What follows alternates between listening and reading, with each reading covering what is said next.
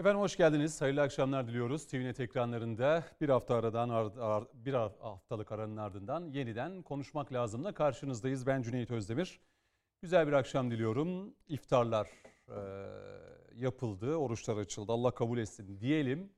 Artık Ramazan'ı da uğurluyoruz. Bir yandan e, tam kapanmayla birlikte vaka sayılarındaki düşüşün devam ettiğini görürüz ama bir yandan da maalesef ölüm e, sayısı e, bir türlü düşmüyor. Yine bugün açıklanan rakamlar az önce 356 galiba yanılmıyorsam 350 vatan 56 vatandaşımız da hayatını kaybetti. Bugün konuşmak lazım aslında bununla konuşacağız. Yani tam kapanma ve tam kapanma kararı alınırken bazı tartışmalar da siyasi e, taraflara çekildi. İşte alkol yasaydı, tedbir miydi, özel hayata müdahale miydi vesaire bunlar konuşulmuştu. Belki konuşacağız program içerisinde. Ama özellikle siyasette öne çıkanları değerlendirmek istiyoruz. Dört değerli konuğumuz var bugün.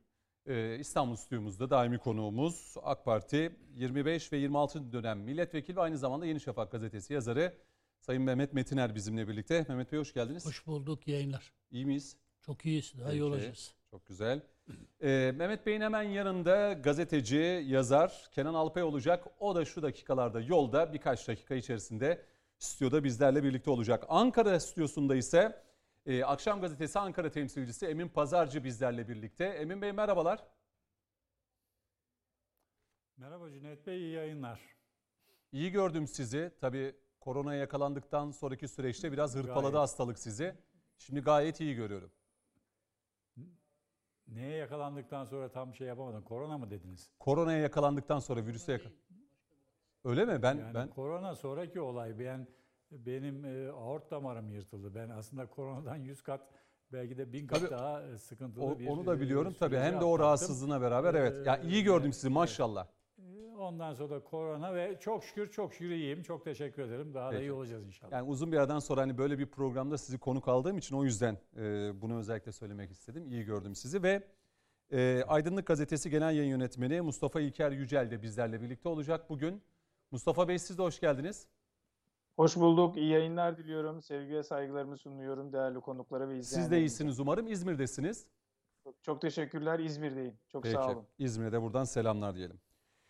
Şimdi e, bugün e, programa başlamadan önce değerli izleyenler konuşacağımız konular içerisinde aslında MHP'nin 100 maddeden oluşan bir anayasa taslağını kısa süre içerisinde kamuoyuyla paylaşacaklar. Önce ittifak ortakları olan e, AK Parti ile daha sonra da diğer partilerle. Bununla alakalı Bahçeli'nin söyledikleri vardı. E, şimdi hem CHP hem İyi Parti tarafından e, yok hükmündedir. İşte gündemi değiştirme adına yapılan adımlardır şeklinde değerlendirmeler geldi. Daha sonra bugün e, bir özel televizyonda da yine bir haber kanalında da Orada yapılan yorumlar üzerine e, MHP Genel Başkan Yardımcısı Ulvi İzzet Ulvi Yöntemli değil mi Sayın Metiner? Evet. evet. Değil mi? Evet.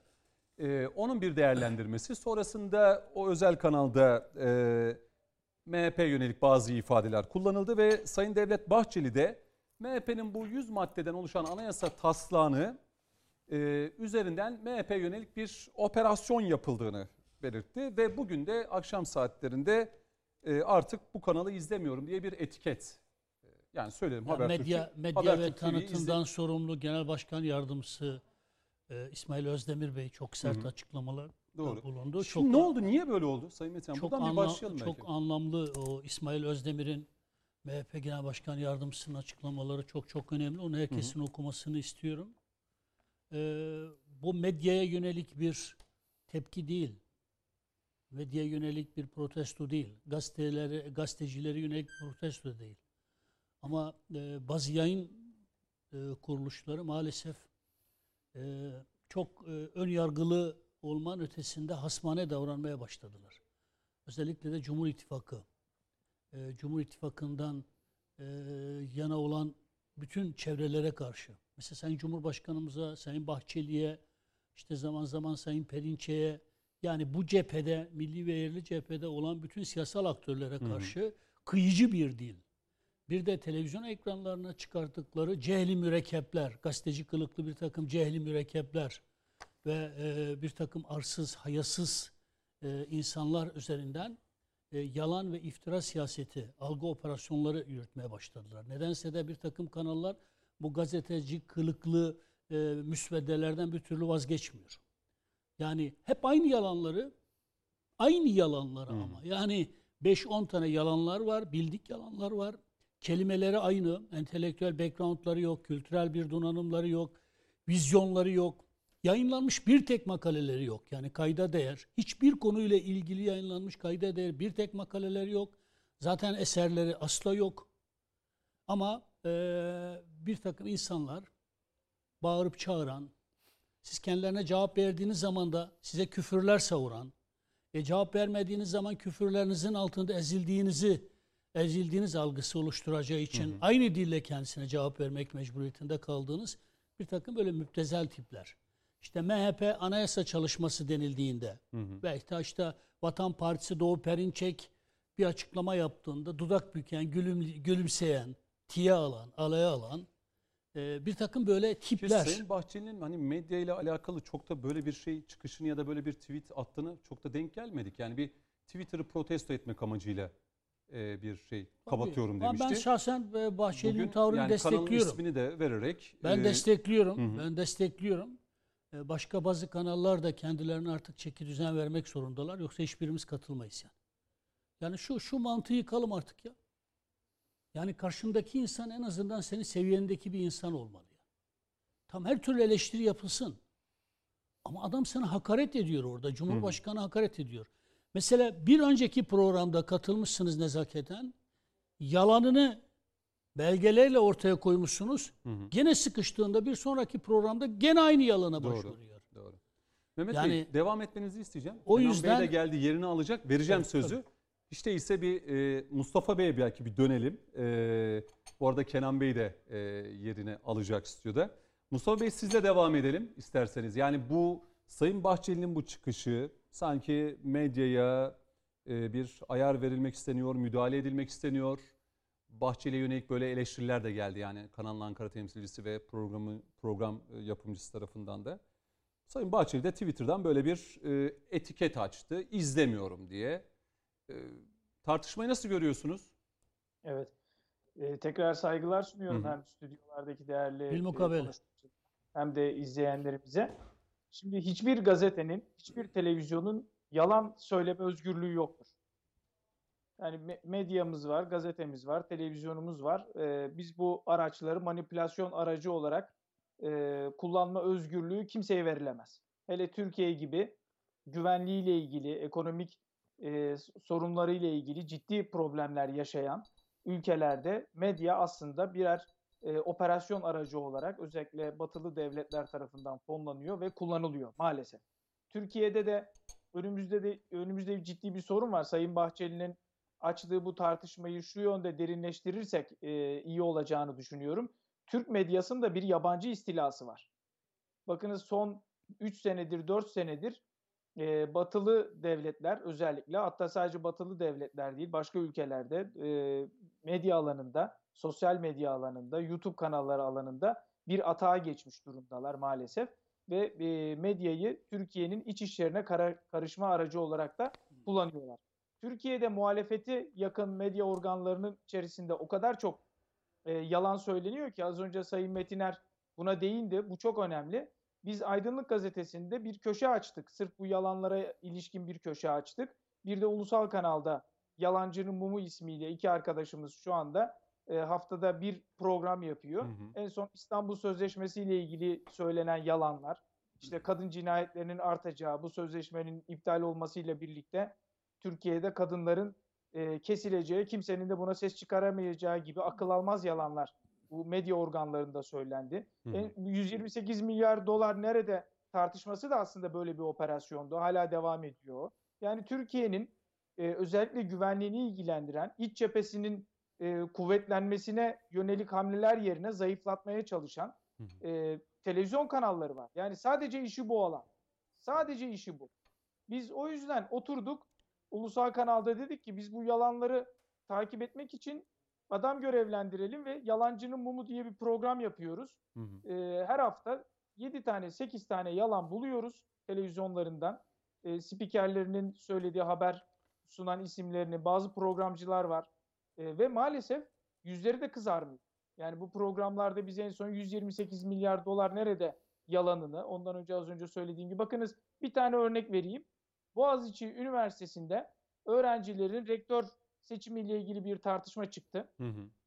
Biz onu bir televizyonun ismini vermemin sakıncası yok. Bilsin bunu TVNet izleyicileri de. Hı hı. Yol iş e, yol televizyonu e, aşağıya bak diye bir montaj yapıyor. Yalan söylüyor. Yani emniyet kuvvetinin ağzından öyle bir cümle çıkmıyor. Aşağıdan Hı. yürü diyor sadece. Hı hı. Toplu yürümeye izin vermediği için. Sonra bu televizyon kanalı bu yalanı yaydıktan birkaç gün sonra özür diledi. Biz montajda hata yaptık diye ki montajın ne olduğunu siz de Cüneyt Bey iyi bilirsiniz. Hı. Yani böyle bir hata e, hani görüntü kesilirken diyelim e, oynadılar üzerine ama bir de altyazı altyazı koymuşlar. Evet. O yalan bu sefer muhalefetin elindeki 3 tane 4 tane televizyonda dolandı. Kestiler sosyal medyaya koydular. Tam 2 milyon tweet atıldı aşağıya bakmıyorum diye. Koca koca siyasetçiler attı. Koca koca sanatçılar gitti peşine takıldı. Öyle bir laf yok. Ama büyük bir manipülasyon Hı. aracı olarak kullandılar. Bakınız bu Boğaziçi olaylarında 100-150 kişilik öğrenci grubunun aslında öğrenci grubunun da olmadığı daha sonra e, emniyetin gözaltı rakamlarında ortaya çıktı. Boğaziçi Üniversitesi öğrencisi çıkmadı o dışarıdaki Kadıköy'deki olaylarda. Hı hı. Ama bir baktık dört tane televizyon bunu bir kampanya haline getirdi. Dolayısıyla burada Sayın Bahçeli'nin açtığı bir tartışmayı eleştiri mi yoksa medyaya bir baskı olarak mı görüyorsunuz? ben Cevabı baskı alayım olarak sonra. görmüyorum. Hı. Tercihte bulunuyor. Ben Sayın Bahçeli'nin tercihini de e, doğru buluyorum. Medya te- medya tercih edilmeli. Hangi televizyon doğru söylüyorsa onu izleyeceğiz. Hangi gazete doğru yazıyorsa onu okuyacağız. Böyle yalan söyleme özgürlüğü yok. Medya medyayız diye böyle bir özgürlük kimseye verilmiyor. Yalan söyleme demokrasisi olamaz. Hı. Siz yapın bakalım Batı'da herhangi bir ülkede o kongre baskınında gördük neler yaptılar. ABD kendi başkanının sosyal medya hesaplarını elinden aldı. Nerede demokrasi? Kendi başkanının sosyal medya hesaplarını kapattılar. Nereden demokrasiden bahsediyorlar? O yüzden demokrasi e, fikir söyleme özgürlüğüdür. Yalan söyleme özgürlüğü değildir. Burada gazeteler ve televizyonlar bakınız bir yalan daha söyleyeyim. Geçen biz aydınlıkta işledik bunu. Türkiye'de gazeteciler tutuklanıyor. En son şimdi ABD'li senatörlerin sunduğu o raporda da var. Daha 3 gün önce sundukları raporda, FETÖ ve PKK'yı savundukları raporda. Türkiye Gazeteciler Sendikası'nın rakamlarına baktık Cüneyt Bey. Tutuklanan gazeteci yok. Hepsi FETÖ ve PKK'nın sözcüsü. Ve hepsinin de bir örgütsel bağı var. Ya Baylok var, ya Bankasya var, ya e, örgüt hiyerarşisinde bulundukları bir e, sebep var. Dolayısıyla. Türkiye'de e, gazeteciler tutuklanıyor. Dünyanın en çok gazeteci tutuklanan ülkesi yalanını muhalefetin televizyonu her gün söylüyor. Her gün söylüyor bu Peki. yalanı. Hı hı. Halbuki bu e, sendikalarında, gazeteciler cemiyetinin de sendikanın da raporlarına baktığınızda tutuklu olan 65-70 civarında gazeteci dedikleri kişilerin tamamının FETÖ, e, PKK ya da bu dev sol gibi çeşitli sol e, yasa dışı örgütlere üye olan kişilerin basın ayağındaki görevlileri olduğunu görüyoruz. Ama Hı hı. eminim şu sıra bile bu televizyonlarda herhangi bir yalan söyleniyor. Burada e, size açıklıkla şunu söyleyeyim. Bakınız e, bir Cumhuriyet Halk Partisi bir televizyonu protesto ediyor. Milliyetçi Hareket Partisi şimdi başka bir televizyonla ilgili bir hüküm açıkladı. Hı hı. Ben size söyleyeyim Türkiye'de TVNet, Ulusal Kanal, Ülke TV 4 tane 5 tane televizyon doğruyu savunan televizyonlar yeter. O yüzden biz milletimize şu bilinci vermeliyiz. Televizyonu da seçeceksiniz ey milletimiz. Böyle yalan söyleyen televizyonları izlemeyeceğiz. Ee, iç, iç cepheyi zaafa uğratmaya Hı hı. çalışan, siz hadi Kurtuluş Savaşı'nda İngilizlerin borazanlığını yapan gazeteyi Ankara'da yayınlayabilir misiniz? Kuvayi Milliye'ye söven gazeteyi e, Ankara'da yayınlayabilir misiniz? Böyle bir özgürlük yok. Dolayısıyla burada böyle bir lafazanlık, demokrasi, insan hakları, ülkelerin bağımsızlığının üstünde bir demokrasi olmaz. Peki. in- en büyük insan hakkı insanın vatanında bağımsız, başı dik, özgür, hür yaşama hakkıdır. Bunu gasp etmeye çalışan hiçbir yayın organına özgürlük verilemez. Peki. Şimdi Kenan Bey siz de hoş geldiniz. Merhabalar çok bu sağ arada. olun kusura bakmayın. Ee, olsun. Geciktik, Ee, Ramazan iyisiniz Ben dolayı. siz de bir cümleyle pas Tabii, vereyim. Tabii, razı Ee. Emin Çünkü- Emin abi de orada şeyde e, e, kardeşimiz de Kenan da geldi. Şimdi bakınız Habertürk'te Ekrem İmamoğlu da konuk edildi. Ee, Tevfik Göksu'da. Tevfik Göksu'da. Hı hı. Bakınız. Ekrem İmamoğlu'nun sözlerine hiçbir şekilde müdahale edilmedi. moderatör hiçbir şekilde İmamoğlu ile tartışmaya girmedi. Zaten moderatörler tartışmaya girmezler. Modere Soru sorar, ederler, müzakere Tabii. etmezler tartışma. Hatta İmamoğlu Habertürk bünyesindeki gazetecilere, televizyon yorumcularına ağza alınmayacak hakaretlerde bulunduğu halde, tahkir ve tezyifte bulunduğu halde kimse gıkını çıkartmadı. Tevfik Göksok atıldı. Bir yanda moderatör, Hı hı. bir anda diğer konuklar çemkirdiler adeta. Şimdi bu olmaz. Bu olmaz. Dün yani akşam nereye geliyoruz buradan? bakınız yani moderatörseniz moderatörsünüz. Ben de mesela geçmişte milletvekili olmadan önce Habertürk'teki bir televizyon programa katıldım. Hem ısrarla kendisi çağırdı moderatör. ismini vermeyeceğim. Müptezel bir gazeteci. Hala 28 Şubat'ın da sokakta bekçiliğini yapan böyle. Bir başörtülü bulsam da bir çarşaflı sarıklı bulsam da Anladım. şikayet edeyim diyen müptezel bir gazeteci. Hala nasıl en tepelerde gazetecilik yapabiliyor? O da faslı diğer. Bir tartışmacı olarak katıldığında ve ben zaten diğer konuklarla tartışıyorum yani. Kendisi de araya girip tartıştığında programı terk etti. Böyle böyle yayıncılık olmaz. İlker'in sözünü ettiği, sevgili İlker'in sözünü ettiği şey çok çok önemli. Bir, yabancı istilası. Milli ve yerli bir medya olmaktan çıktılar, yabancı istilası söz konusu. İki, ideolojik, siyasi bir tarafkirlik içindeler, hasmana bir tarafkirler içindeler.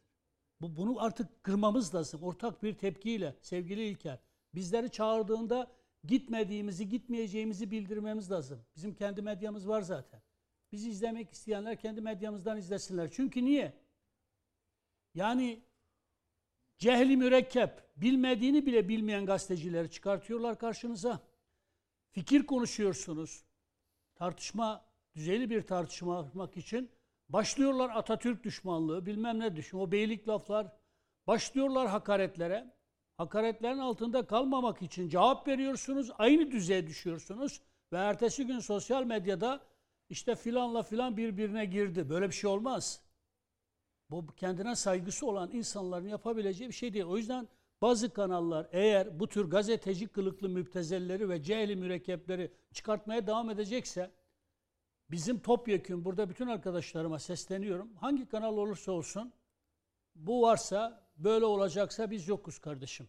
Peki. O zaman medya kendine çeki düzen verir. Aksi takdirde e, e, işte e, diğeri bekliyor ki e, çağırsınlar ben hemen katılayım. Gerek yok buna ya söyleyecek sözü olan insanlarımız için zaten mecralarımız var bizim yani gazetelerimiz var, televizyon kanallarımız var. Siz bu kanalın MHP düşmanlığı yaptığını düşünüyor musunuz? Evet. Sebep? Çünkü niye bakınız? Bir, e, ismini vermeyeceğim Ankara Peki. temsilcisinin. Durup dururken kendisi o programda değil. Evet. O Ki bağlamda- programda değil. Özür dilerim. Ertesi gün diye geliyor. Ben Diyarbakırlıyım diyor. Mezopotamya'nın çocuğuyum. Ya kimse sana nereli olduğunu sordu mu? Sen Diyarbakırlılığına niye vurguda bulunuyorsun? Hele MHP ile ilgili bir tartışmada ne demeye getiriyorsun? Bu çok hoş bir şey değil. Ben burada durup dururken işte ben Kürdüm MHP ile tartışırken MHP'nin Kürtlere, Kürtlüğe dediği bir şey yok. Diyarbakır'a, Diyarbakırlara dediği bir şey yok. O, o yayındaki bir takım Hı hı. gazetecilere ve moderatörün o şey MHP'nin bir anayasa e, ta- taslağı da tabii, bu. O tavrına yönelik bir eleştirisi var. Evet. Yani o gün o programda olmayan bir kişinin sonrasında bu tartışmaya müdahil olması, ben Diyarbakırlıyım, Mezopotamya çocuğuyum. MHP'nin özür dilemesi Abi, gerektiğini. Sadece MHP'nin değil, genel başkanın Hı da hı. özür dilemesi. Biraz herkes haddini bilsin ya. Peki. MHP herhangi bir parti değil ki yani.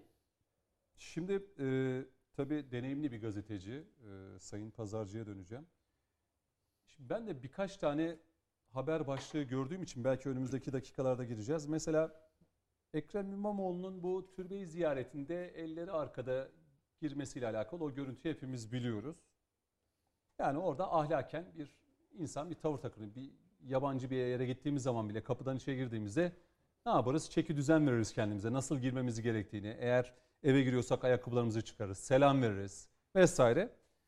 Burada böyle bir durum varken e, işte bir ifade ya da bir soruşturma neyse ama sonra bir görüyorum bakıyorum ki Sayın Pazarcı İmamoğlu yargılanacak mı diye e, bir başlık atılıyor. E, yani bu konu üzerinden İmamoğlu niye yargılansın? Yani şimdi anlatmak istediğimi belki çok iyi anlıyorsunuz. Tecrübenize dayanarak bu Bahçeli'nin çıkışını, eleştirisini nasıl görüyorsunuz? Bir eleştiri mi, müdahale mi, bir baskı mı? Şimdi bakın e, beğenirsiniz beğenmezsiniz. Devlet Bey bir e, tavır ortaya koydu.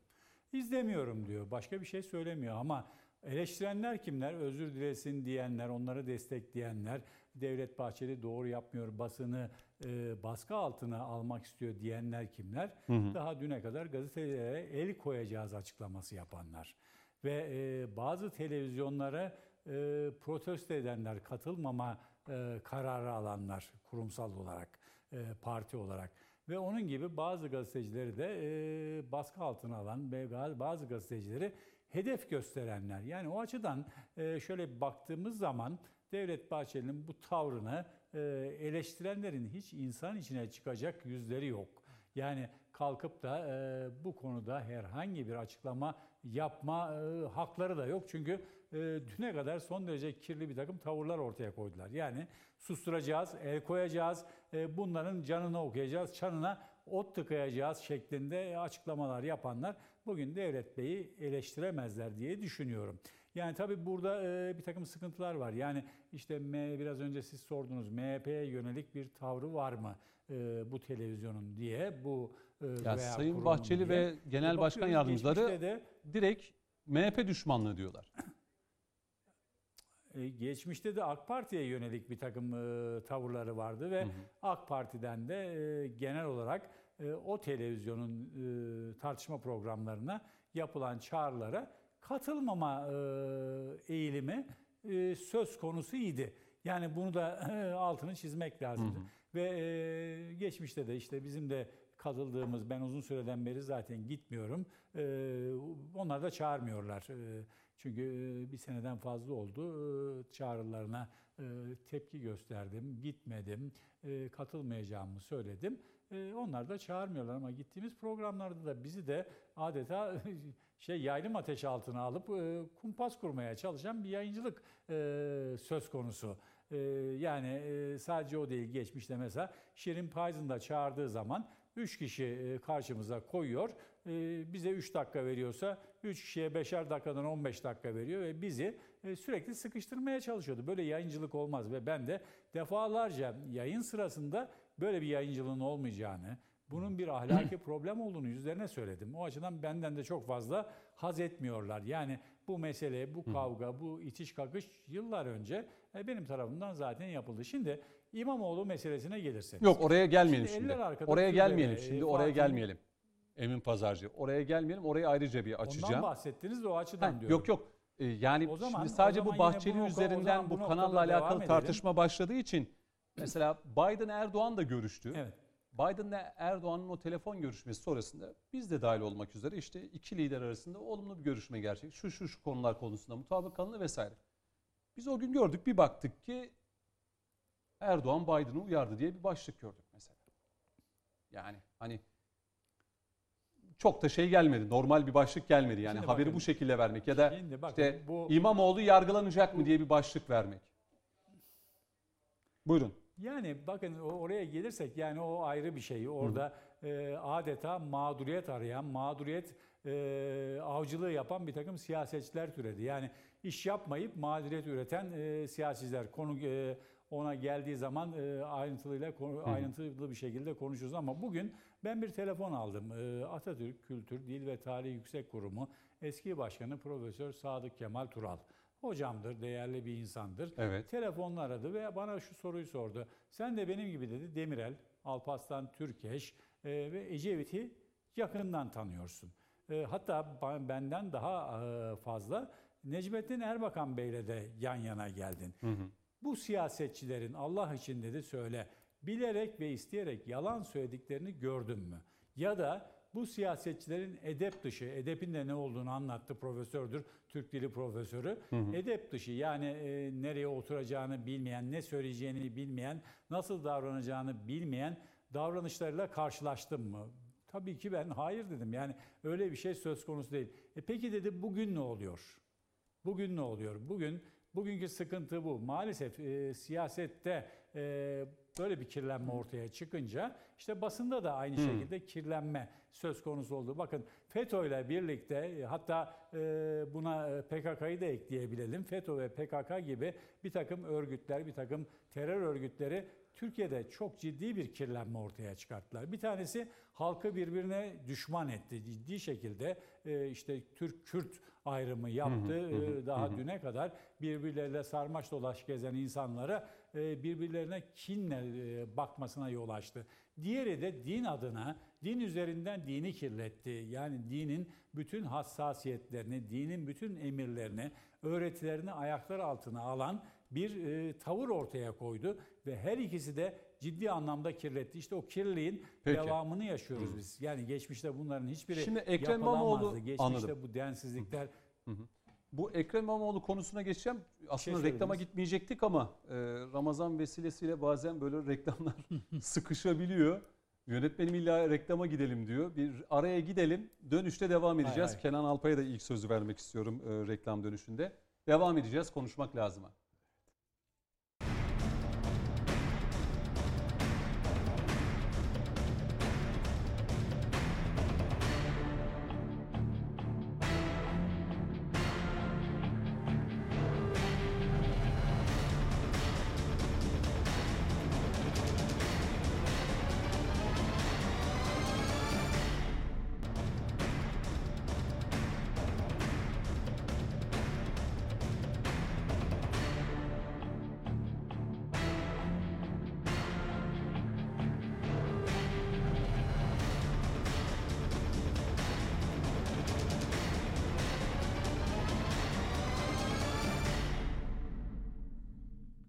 Konuşmak lazım devam ediyor. Mehmet Metiner, Kenan Alpay, Mustafa İlker Yücel ve Emin Pazarcı bizlerle birlikte. Şimdi araya gitmeden önce Kenan Alpay'a ilk sözü vereceğim demiştim.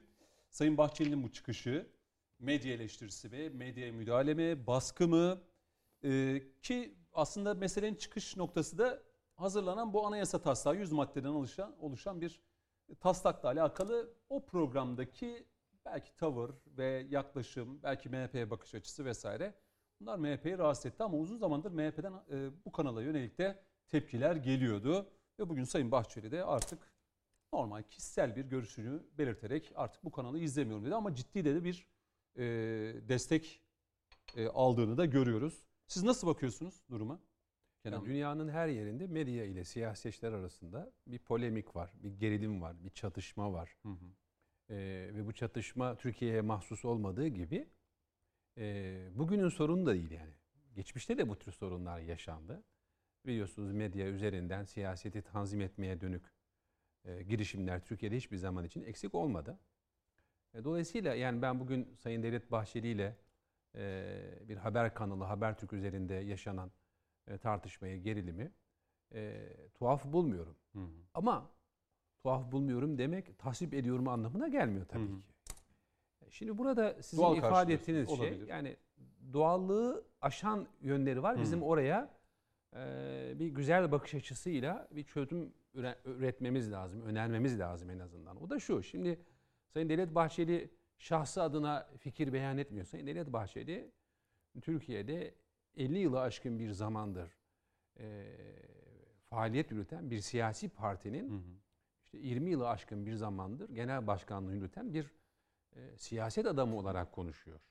Ve bakıldığında zaten Devlet Bahçeli'nin söyleminin akabinde hemen genel başkan yardımcılarından teşkilat mensuplarına kadar ya da üyelere kadar bir takım tepkiler ortaya çıkmış oldu.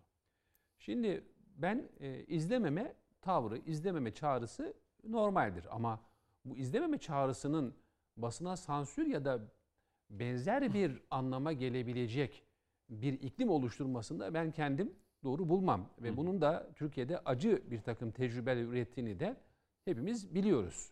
Nedenine gelince evet yani basının maalesef geçmişten bugüne kirli bir takım ilişkileri olmuştur. Yani iktidarı indirmek, efendim silahlı kuvvetler adına baskı yapmak değil mi? Bir takım yolsuzlukları aklamak 80'lerin ya da yazılı benzer şeyler. Yani hayır 28 Şubat daha biz 28 yeni hani yaşadık. çoklu yani medyaya da çok geçtiğimiz yani çok zaman eskiye gidelim 90'lı derken o kadar eskiye değil yani. Ee, Doğru, 28 96, Şubat 97, sürecinde 98'de. bankaların nasıl batırıldığını biliyoruz. Yani sokak eylemlerinde bir takım marjinal örgütlerin şeriat istemiyoruz falan sloganlarını böyle pohpohlayarak 28 Şubat juntasının meşru hükümeti nasıl e, alaşağı ettiğini biliyoruz hepimiz. Hep birlikte yaşadık bunları. Yani 28 Şubat çok eski değil. Biz tabii hep 15 Temmuz'a odaklandığımız için gerisi yok zannediyoruz ama gerisi var bunun. Hı hı. Birincisi bu. İkincisi de şimdi e, tartışmayı siyasi bir zeminde e, üretmek ve yürütmek gerekiyor. Siyasi zemini aştığı zaman yani sansür ya da otosansür çağrısına e, benzeyecek, benzeşecek bir şey olduğu zaman bu ülkenin aleyhine olur. Türkiye'nin aleyhine olur. Evet yani Amerika'da bir takım raporlar yazılırken Türkiye'yi küçük düşürecek, Avrupa'da bir takım raporlar yazılırken Türkiye'yi mahkum edecek, efendim bir Doğu bloku ülkesi gibi göstermeye matuf adımlar, raporlar, manipülasyonlar bunların hepsi oluyor. Fakat bunlarla mücadele etmenin yolu bu değildir. Evet yani bakın yani Amerikan seçimleri olduğu zaman seçimlere giderken e, Trump'la e, New York Times, Trump'la Washington Post arasında yaşanan tartışmaları aklımıza getirelim. En nihayet CNN International sorularını cevaplamıyordu. Evet, en nihayet mesela Twitter'ın ve Facebook'un hesap kapatmasına kadar gitmiş olduğu bir iklimi düşünelim. Yani bu Batı'nın her zamanki çifte standardı iki yüzlülüğü ya da yüzsüzlüğüdür. Fakat ölçüyü orası olarak Sayın görmemek. Bahçeli bu zamana kadar böyle bir gerekiyor. tweet atmamıştı. Fakat şöyle Mesela bir şu şey. şunu gözlemliyor musun dışarıdan bir gazeteci olarak? Ben de baktığım zaman İyi Parti yöneticilerine ve genel başkanı dahil olmak üzere sıkça görüyorum. Belki MHP'nin Şimdi bir tavır ve tepkisi olarak da katılmadığını da söyleyebiliriz değil mi Sayın Metin biliyor musunuz? Yani özellikle. Ya çok Davetlere gitmedik. girmek istemiyorum ama bir parti herhangi bir televizyon kanalını protesto edebilir, Hı hı. eleştirebilir. Bu medyaya sansür anlamına gelmez. Medyayı baskı anlamına gelmez. MHP iktidardaki olan bir parti değil. Hı hı. CHP CNN Türk'ü boykot etti. Doğru. Ee, kendileri katılmıyorlar. E, CHP'nin genel başkan yardımcısı iktidara geldiğimiz günün ertesi bütün medyaya el koyacaklarını söyledi. Bütün bunlar Doğru. tolere edilebiliyor da. Evet. Yani Sayın Bahçeli'nin ben şu haber kanalını izlemiyorum demesini medyaya sansür, medyaya baskı biçimine dönüştürüp yorumlamak doğru değil. Peki. bir arka plan olarak Tabii. ben birkaç bilgi vermek istiyorum. Şimdi yakın zamanda e, Milliyetçi Hareket Partisi'ni Şimdi ya da genel bir başkanı cümle eleştirdiği için miyim Cüneyt bazı Bey? gazetecilerin e, sokakta yani Hemen dönüyorum Sayın darp Pazarcı size. edildiğini, Hı hı. dövüldüğünü, Hemen döneceğim. yani ciddi saldırıya Yani uğradığını konu bu- bu konuyla görmezden Tabii. gelmemek gerekir. Yani hani Devlet Bahçeli'nin eleştirisi eleştiri midir? Eleştiridir. Ama bu eleştirilerin e, yansıyış biçimleri eğer fiili ve fiziki bir takım şeylere dönüşürse bu Türkiye açısından hiç de hoş olmayan Türkiye'nin e, meşru siyasetini, meşru açılımını gölgede bırakabilecek bir takım e, faturalar olarak bize dönüş yapacaktır. Ben bu sebeple yani e, haklı bir öfke var mıdır? Haklı bir öfke vardır. Protesto da edilir. Protesto çağrısı da yapılır. Bir Normaldir. şey ekleyecek Sayın Pazar. Devam etmenizi isteyeceğim. Yine vereceğim size sözü. Bir şey ekleyeceksiniz değil mi Sayın Pazarcı? Buyurun. Şimdi Cüneyt Bey ben de Mehmet Bey gibi aynı noktadan e, girmek istiyorum konuya.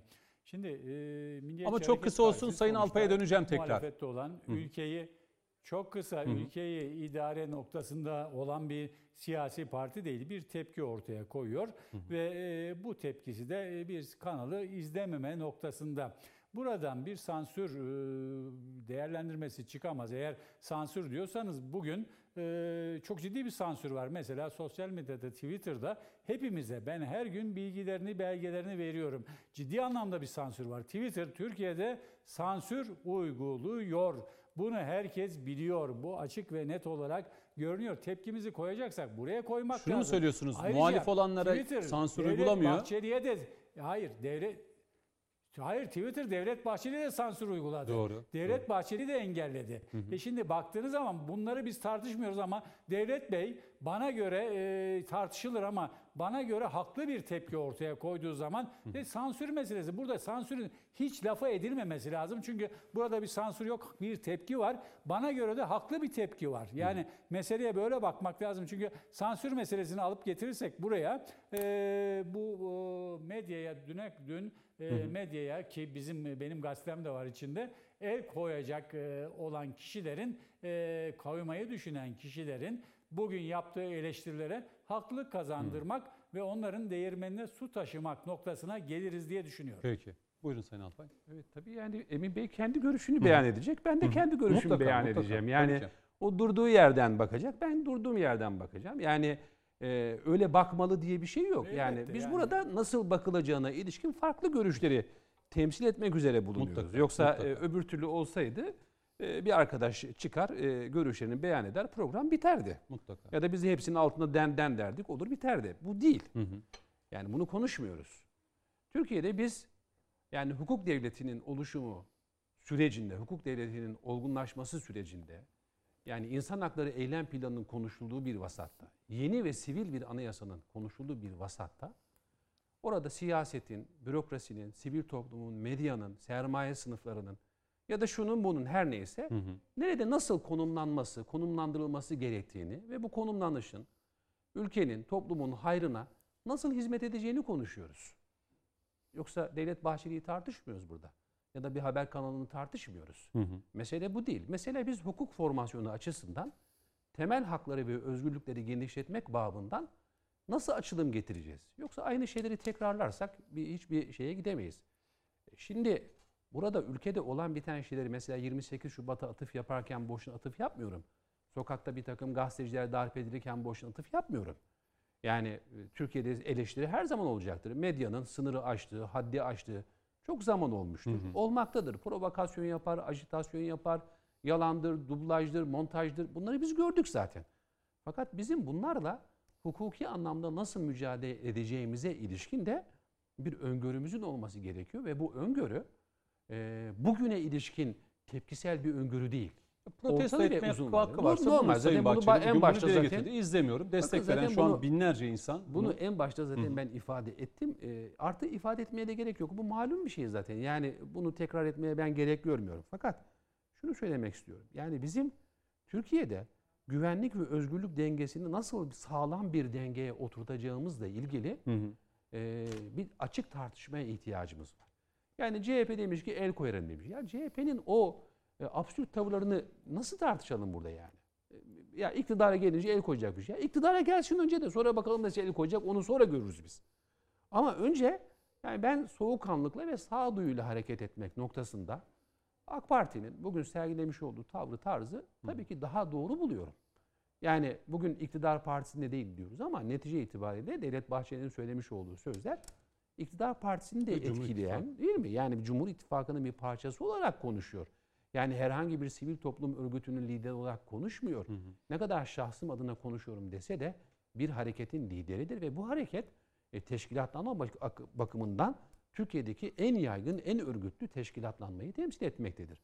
Bu açıdan bakıldığında Habertürk'ü ya da CNN'i ya da bir başka kanalı ya da diyelim ki TVNet'i insanlar tartışabilirler. E biri de, de diyebilir ki işte efendim siz orada bir araya gelmişsiniz şunu şunu yapıyorsunuz bunu bunu yapıyorsunuz. Ya kardeşim bizim görüşümüz budur.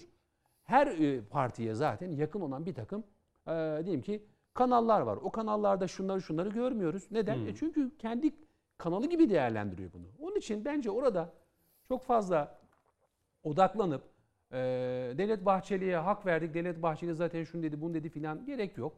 E, bir takım programlara siz de ben de çağırıyoruz. E, gitmiyoruz. Yani olan İsteyen budur. gidebilir, isteyen. Yani gazetelerimiz var, dergilerimiz var, haber portallarımız var. Orada yapılan haberleri, değerlendirmeleri ya da e, takdim edilen spotları hep birlikte eleştiriyoruz, teşhir ediyoruz, kınıyoruz, ayıplıyoruz. Ahlaki açıdan, hukuki açıdan sakıncalarına dikkat çekiyoruz. Bunda bir beis yok. Peki. Meseleyi Hı hı. hukuki ve ahlaki çerçevede kalmak şartıyla biz her türlü tartışmaya açık olmamız lazım. Bu özgüvenin bir neticesidir. Peki. Bu meşruiyetin bir neticesidir. Ben özgüvene ve meşruiyete inanıyorum. Ve bundan dolayı da herhangi bir karın ağrımı olmadığı için istediklerini söylerler ama bizim de onlara cevap verecek gücümüz, kuvvetimiz, kudretimiz zihinsel anlamda muhakkak ki vardır ve onu da zaten dile getiriyoruz. Peki. Ya ben Şimdi buraya e, bir tabii vereceğim. şerh koyup bir küçük katkıda bulunacağım. Ee, 10 dakika var. 4-5 dakika size vereyim. Kısa Sonra bir cümle söyleyeceğim. Yani Mustafa İlker Yüce, evet. Yücel'e döneceğim. Sadece bir cümle. Ee, o da şu. Burada hiçbirimiz mesela Halk TV'yi tartışma konusu etmeyiz. Çünkü duruşu belli. Ben tarafım diyor. Hı hı. Diyelim ki TVNet taraftır. Akit TV taraftır. A Haber taraftır mesela. İşte ulusal kanal taraftır. Kimse bunların siz hem tarafsızlık iddiasında bulunuyorsunuz hem de bunu yapıyorsunuz şeklindeki bir suçlamaya muhatap kılmaz. Ama hem herkese eşit mesafedeyim diyeceksiniz, tarafsızlık kisvesine bürüneceksiniz. Hem de çok bilinçli bir biçimde, sistematik bir biçimde hakaretin de ötesine bir husumeti oluşturacak bir cephe siyaseti güleceksiniz. Ben şahsen bu açıdan Bahçeli'nin tepkisini çok anlamlı ve değerli buluyorum. Hem partisinin böyle bir hakkı var. Ben aynı zamanda bu tepki kendi partime de salık veriyorum. Burada beni izliyorlarsa lütfen Bahçeli'nin koymuş olduğu tepkiyi sadece Habertürk üzerinden söylemiyorum. Kanal ismi zikretmemize gerek yok. Eğer bir televizyon kanalı haftanın beş günü söylediği sözler hep aynı olan, hep aynı yalanlar, aynı iftiralar, aynı hakaretler olan, bağırıp çağıran, hakaret eden, saldırganca, küstahça Cumhurbaşkanı Bahçeli'ye bu çerçevede düşünen insanlara gazeteci kılığıyla her çıkarıyorsa ben e, AK Parti'mizin de partimizin de bu konuda tepki koyması gerektiğine inanıyorum. Buna hakkımız var ya. Ha şey dediği de doğrudur. Çağırdıkları zaman da katılmayız. Şu kişiler varsa katılmayız Kişisel kardeşim. protesto etme hakkını Bu buna kullanarak- hakkımız var. Bu medya üzerinde bir baskı oluşturmak soracağım. anlamına gelmez. Ben kendi adıma Mehmet Metin olarak belirli bazı isimler söz konusu. O isimlerle hangi televizyon kanalında bedeli ne olursa olsun asla bir de ara gel bir araya gelmem. Çünkü bir insan cahilse cahili anlatabilirsin. Ama cehli mürekkepse Bir- yani cahil bir olduğunun farkında ben. değilse Tam madem- bir de bir de aynı yalanı çok edepsiz bir dille sana da şarlayarak, çemkirerek ve seni de toplum karşısında kavgacı bir pozisyona sokarak buradan farklı bir algı üretmeye çalışıyorsa e, katılmamak en doğrusudur. Şimdi Çok kısa mesela Mustafa Bey'e e, döneyim. Ha- Habertürk'te şimdi iki istifa daha doğrusu bir görevden Doğru şu alma. an evet şu bir an de bunlar istifa konuşuluyor. oldu. Bülent mı? Aydemir görevden alındı Ankara temsilcisi. Kesin mi? Tabii tabii. Çok E, isabetli bir Kürşat karar. Oğuz da e, genel yayın yönetmeni o da istifa etti. Şimdi şöyle bir şey. E, Bülent Aydemir'in mesela en son hatırladığım e, olaylardan bir tanesi Hı hı. bu Van'da çığ düştüğü zaman e, Van eski milletvekili Gülşen Orhan'la ilgili tamamen yalana, tamamen manipülasyona dayalı bir haber üretmişti. Hı. Ve e, çığın sorumlusu olarak orada Gülşen Orhan hanımefendi yanlış olmasın isim göstermişti. Ve tabii olay aslında birkaç saat geçince açığa çıktı. Durum anlaşılmış. Sadece e, basit bir özürle durumu geçiştirmeye kalkıştı. Şimdi biz burada A şahsını B şahsını şu A kanalını B kanalını savunmak durumundayız. Ben genel bir ilkeye Kesinlikle. işaret etmeye çalışıyorum. Yoksa e, dediğim gibi ben zaten yazı yazıyorum. Siz de yazıyorsunuz yıllardan beri. Bir takım insanlarla tartışıyoruz ama bazen öyle tartışıyoruz ki kıyasıya tartışıyoruz. Dolayısıyla tartışmak başka bir şeydir. Tartışma zeminini açık tutmak başka bir şeydir. Ama e, bu türden az önce bahsetmiş olduğum gibi vahim sonuçlara yol açacak bir takım e, girişimlerde bulunmak başka bir şeydir. Ben oraya Biz bir ikazda- kesim mi? Öyle değil. Bu- şimdi doğru. Hem Kürşat Oğuz hem de Bülent vahim Biri istifa etmiş, nedir? biri görevden Nereden alınmış. vahim sonuç çıkacak? O bakın bakın vahim sonuç ne? Onun bir altını çizmek lazım. Yani sizin gazeteci olarak katılmama hakkınız var. Devlet Bey'in de tepki gösterme hakkı var. Vahim sonuç nedir? Hangi vahim sonuç çıkacak?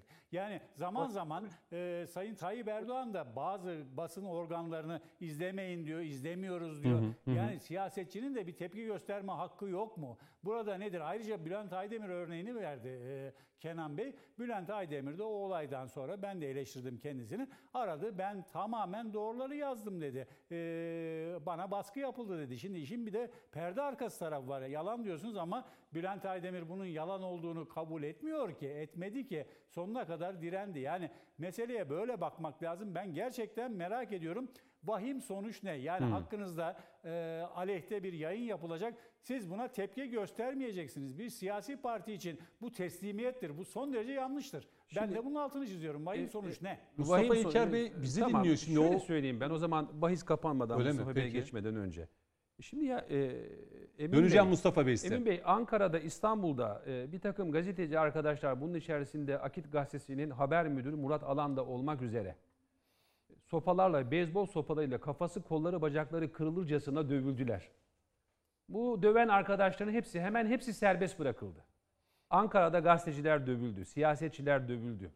E bunları döven insanların da nereyle kiminle ilişkili olduğu da açıktı. E buna buna ilişkin ne diyorsunuz? Ben onu merak ediyorum. Kim kimi dövdü? Bakın bu yargının işi. Ben Erin Ya- yargının işi de gelmeden önünde olup biten bir şey var. Sadece Net yargının işi deyince çözüm olmuyor söylemezseniz, Siz söyleyin şu şunu dövdü, şu şunu yaptırdı diye. Ben de onun üzerine değerlendirme mi yapayım? E siz Ben gazetecisiniz, hepimizin malumu bunlar. Karar vermediği, uzaktan duyduğum yok böyle bir şey. Yani olsa olsa metoduyla ben karar vermem. Şu şunu yaptırmıştır metoduyla hiçbir zaman yazı yazmadım. Hiçbir zaman da dedikodularla hareket etmedim. Yani o açıdan bana diyeceksiniz ki şu şunu yaptırdı, bu böyle oldu, şu şöyle oldu. ben Peki ona siz vakıf olamadınız mı bu olaya? Yani dedikodu mudur bunlar olup bitenler? Siz görmediniz mi kimin kimi Yani dövdüğünü, bakın, kimin yani suçlu bir- olduğunu anlayamadınız mı? son derece yanlıştır.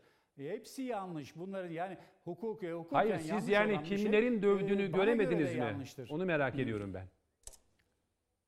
Kimlerin gazetecileri ben dövdüğünü göremediniz mi? ki? Göremedim tabii ki. E, göremediniz. Tamam, o zaman size bir şey söyleyemem ben. orada değildim. Yani ben evimde Ankara'dayım. Olay Bunların- benim bunlar- gözümün önünde olmadı. Şimdi- tabii ki göremedim. Ben ben şimdi Peki, bir araya sizi- gireyim.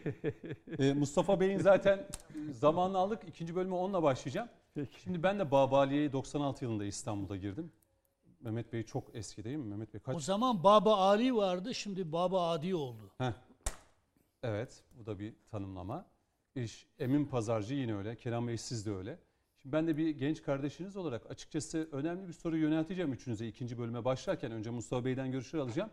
Şimdi medyaya baskı eleştiri diyoruz da hep işte tarafsız deyip nasıl yayın yaptığı konusunda bir eleştiri yönelttiniz. Taraflı medyaya Şimdi hiçbir eleştirimiz so- yok. Hayır şunu soracağım. Hiçbir eleştirimiz yok. 96'da ben medyada gözümü açtım. 25 yıl geçmiş. 30 yıldan fazla oldu mu Mehmet Bey? Benim mi? 35 yıl. Ben Kaç kendimi 40 bildim bileli yani elim kalem ortaya yazı yazıyorum. bu arada. 45 yıl. Yaşım yatmış 61 yani çıksın ortaya. Şunu soracağım yani 30 yıl önce de Erkek Medya yaşını bu kadar gizlemez. tarafsız mıydı? Bu kadar rahat mıydı? Medyada baskı yok muydu? Eleştiri yok muydu vesaire? Bunu sormak. Sanki sadece AK Parti iktidarıyla birlikte Türkiye'de böyle bir medyaya baskı eleştiri varmış gibi bir Ya tablo biz da kalem çiziliyor. oynattığımız ertesi gün soluğu devlet güvenlik mahkemelerinde alırdık. Tamam. Ya geçin bunları ya. Bu iktidar dönemindeki özgürlük hiçbir zaman yok. Araya gideyim. Bir soluklanalım. Dönüşte Mustafa Bey'i bayağı bir beklettik. İzmir'de yani İzmir'de olması e, Sadık Albayrak abinin kulakları çınlasın. Devlet güvenlik mahkemelerinde nice günlerimiz geçti ya. Şimdi özgürlük, Tamam sor- demokrasi sorumu sordum falan. cevap vermeyeyim. Mehmet Bey saklı kalsın virgülü koyalım. Ee, dönüşte de konuşmak lazıma başlayacağız devam edeceğiz. Mustafa İlker Yücel'le.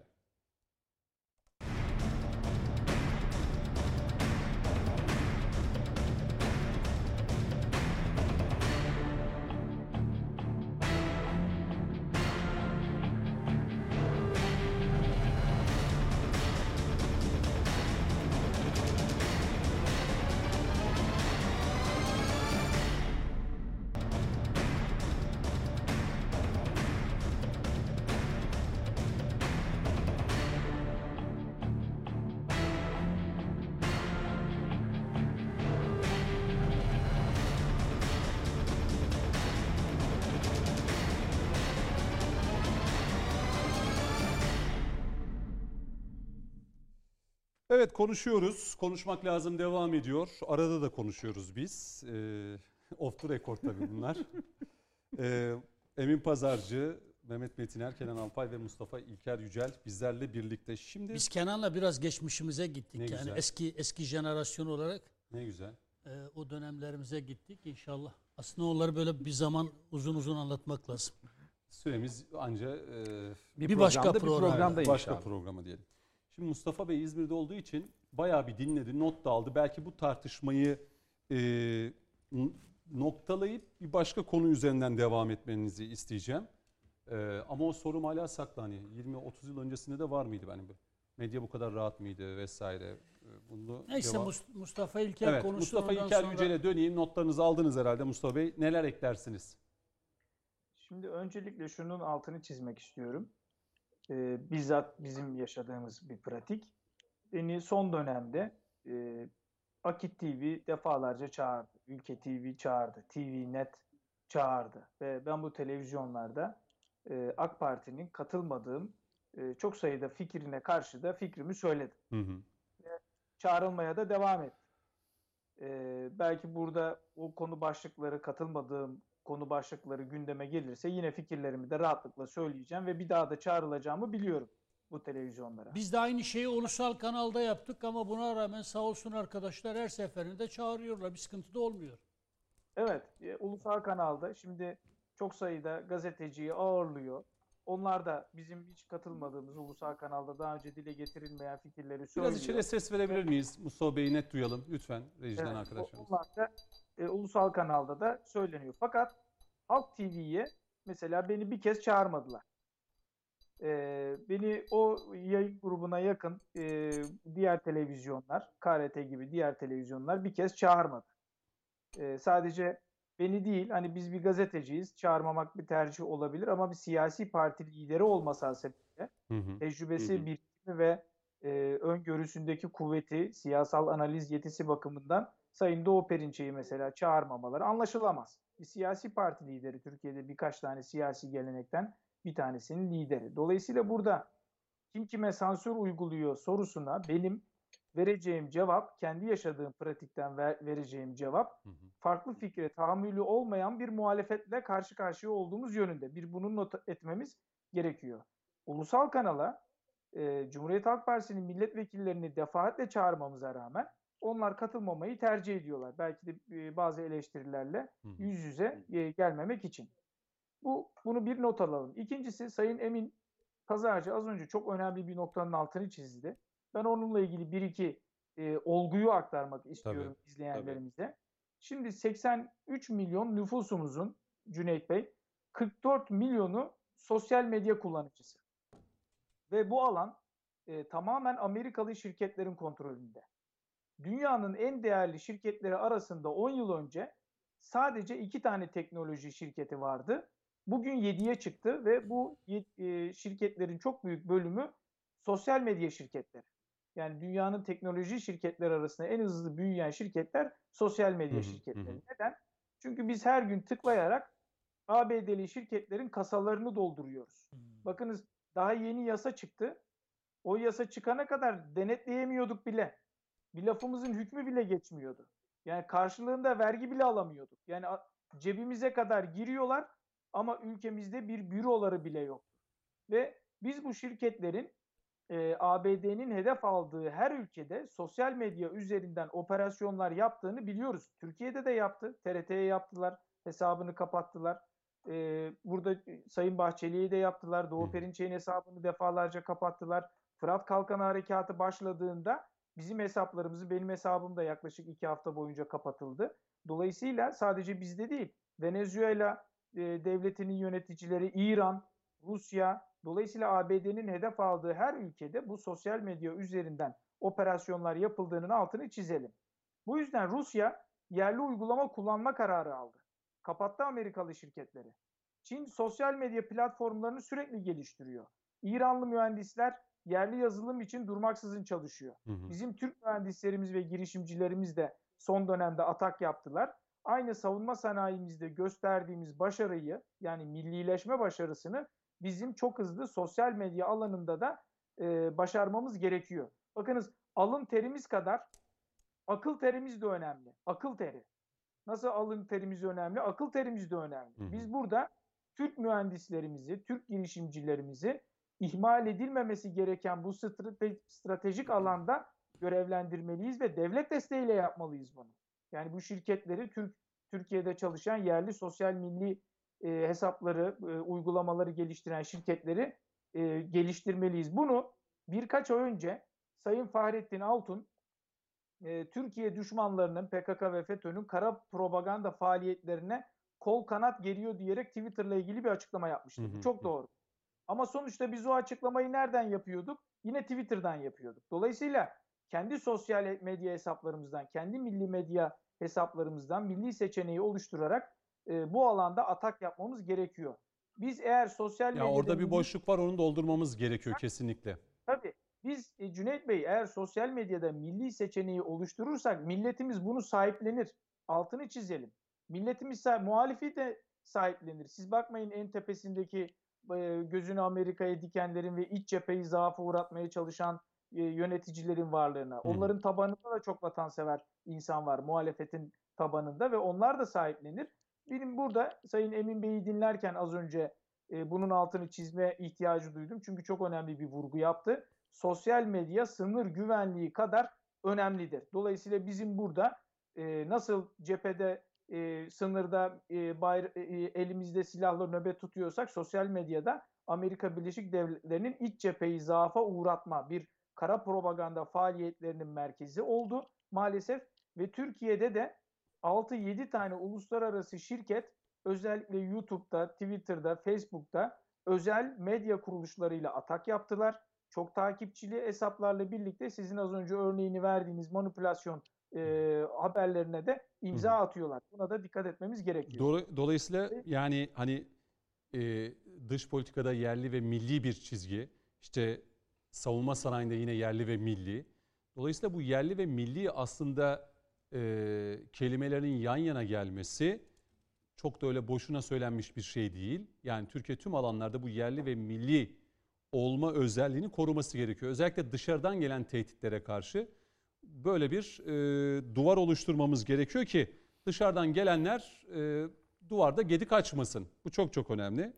Hani medyada da bir millilik ve yani herkes hani çok seslilik önemli tamam. Bu olmalı. Farklı düşünceler olmalı ama buradaki ayrışma yani ayrışan nokta nedir? Yani Sayın Bahçeli hani bugünkü bu eleştirisini yaparken e, boşu boşuna bu eleştiriyi yapmadı ya da bu protestosunu dile getirmedi boşu boşuna. Evet. Şimdi Sayın e, Cüneyt Bey, e, Biden yani şu anda ABD başkanlığı koltuğunda oturan kişi Hı şöyle bir açıklama yaptı. Dedi ki biz muhalefeti örgütleyeceğiz ve iktidara getireceğiz. Onları Hı. daha fazla desteklememiz lazım dedi.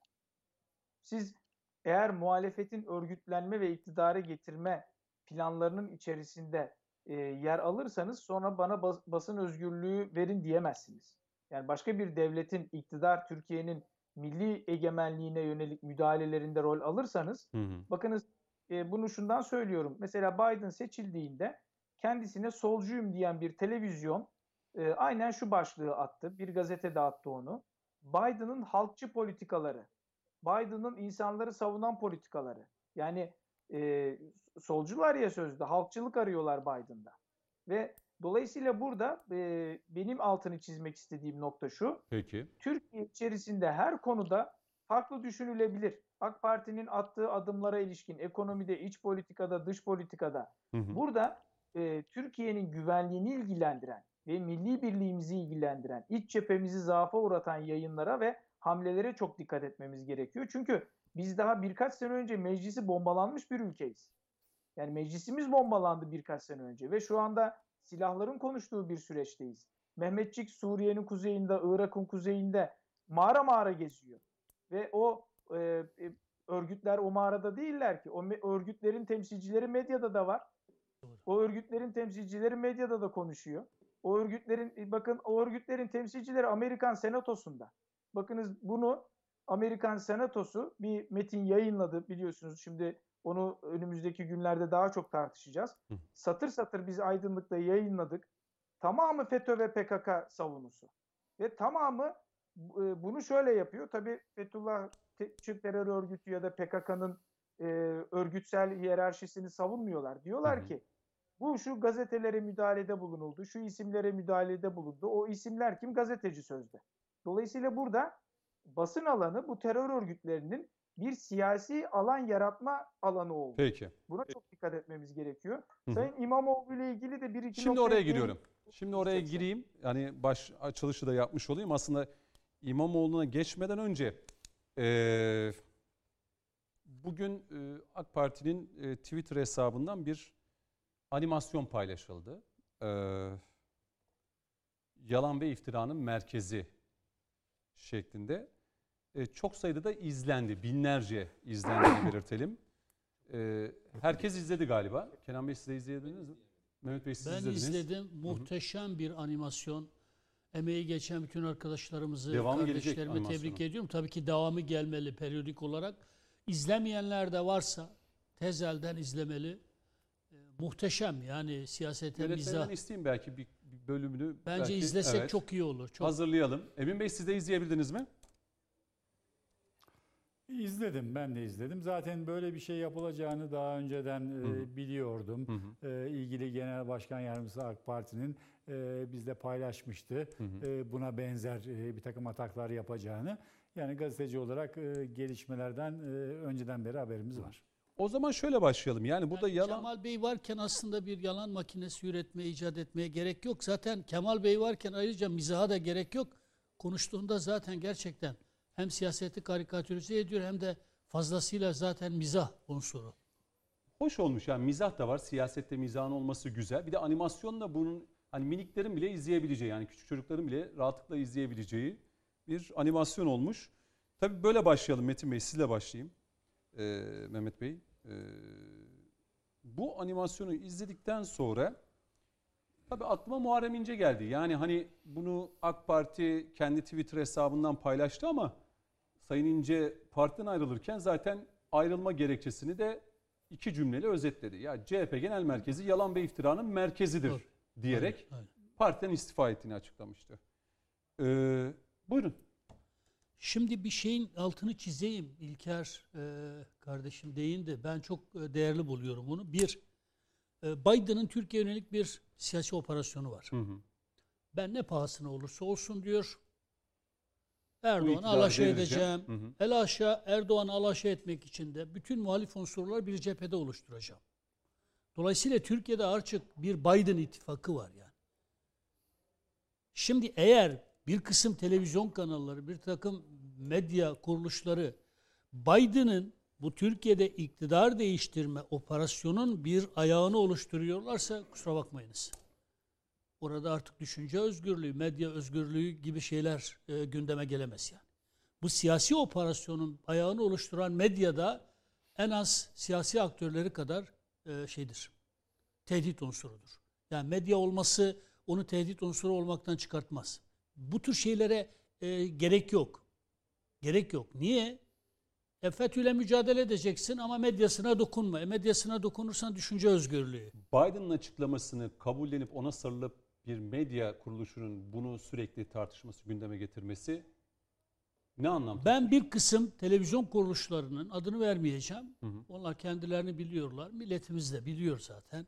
Bu Biden'ın siyasi operasyonu medya ayağını oluşturduğu kanaatindeyim. Bu çok önemli. İki, diyelim ki bugün Ekrem Dumanlık kaçamasaydı, Türkiye'de cezaevinde olsaydı, tutuklanan gazeteciler listesinde olmayacak mıydı? Belki de bir başka FETÖ'cü gazeteci. Ya da Can Dündar mesela. Mesela Can Dündar. Şimdi arkadaşlar yani bazı arkadaşlarımız e, yani sözü meclisten dışarı ben Kenan kardeşimizin hassasiyetlerini paylaşan bir insanım. Yani birileri ona cevap e, niyetinde konuştuğumu sakın e, düşünmesin. Efendim medya ayağına dokunursak işte herkes fikrini söylemeli falan. E, tabii ki herkes fikrini söylemeli. Herkes her türlü eleştirisini dile getirmeli. Biz de kendi içimizde bütün farklılıklarımızı. Bak işte İlker'le diyelim ki şu an 28 Şubat'ı konuşsak tabii ki farklılaşacağız. 27 Mayıs darbesini konuşsak farklılaşacağız. İttihat Terakki'yi konuşsak farklılaşacağız. Doğu Türkistan'ı konuşsak Doğu Türkistan'ı konuşsak edeceğiz. neyse ama tartışırken bile e, bir doğrultumuz var bizim. Yani birbirimize bir şey katmak için e, tartışıyoruz. Dolayısıyla e, herkes kendi fikrini söyler. Ama burada bu fikir değil. E, senin soruna geleceğim. Bakınız yalan ve iftiranın merkezi. Bu çok önemli bakınız. Bir parti nasıl yalan ve iftiranın merkezine dönüşür? Bugün CHP'nin Kılıçdaroğlu üzerinden tedavüle soktuğu argümanlara bakınız. Ya Pensilvanya'nın, Pensilvanya'daki iblisin, onun örgütünün argümanlarıdır. Sadece e, şöyle bir, e, istersen üniversitedeki e, doktora tezi olarak da çalışmak isteyen arkadaşlara salık veriyorum. Fethullah Gülen denilen iblisin söylediklerini ama üstünü örtsünler. Yan yana koysunlar. 15 Temmuz'dan sonra da söylediklerini, öncesinde 17-25 Aralık'tan itibaren söylediklerini yan yana koysunlar. FETÖ'cü gazetecilerin, siyaset erbabının söylediklerini yan yana koysunlar. Kemal Bey'in 17-25 Aralık'tan sonra bu örgütle ilgili, bu yapıyla ilgili olarak 15 Temmuz'dan sonra da özellikle bahusus söylediklerini, argümanlarını yan yana koysunlar ama ikisini de üstünü örtsünler. Ve sorsunlar desinler ki bu argümanların hangisi FETÖ'ye aittir, hangisi CHP'ye aittir? Birbirinin tıpkısının aynısı. Dahası ve en kötüsü PKK'nın argümanlarına bakınız. Yani PKK'nın HDP üzerinden tedavüle soktuğu argümanlara bakınız. Kemal Bey'in argümanlarının Animasyon hazır. Bakalım bir- mı? Tabii. E, tıpkısının aynısı. Tamam bir izleyelim. Belki izlemeyen Herkes sosyal medyayı da kullanamıyor. Yani Mustafa Bey söyledi 40 Ya da milyon vakit bulamamış olabilir. Bir bakalım, izleyelim. Yani bugün AK Parti'nin Twitter hesabından paylaştığı CHP Genel Merkezi'ni yalan ve iftiranın merkezi diye başlayan ve devamının da gelmesi beklenen o animasyonun ilk bölümüne bakalım.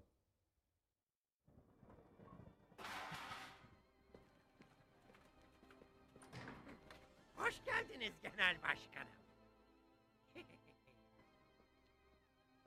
Gün geçtikçe gelişiyoruz efendim.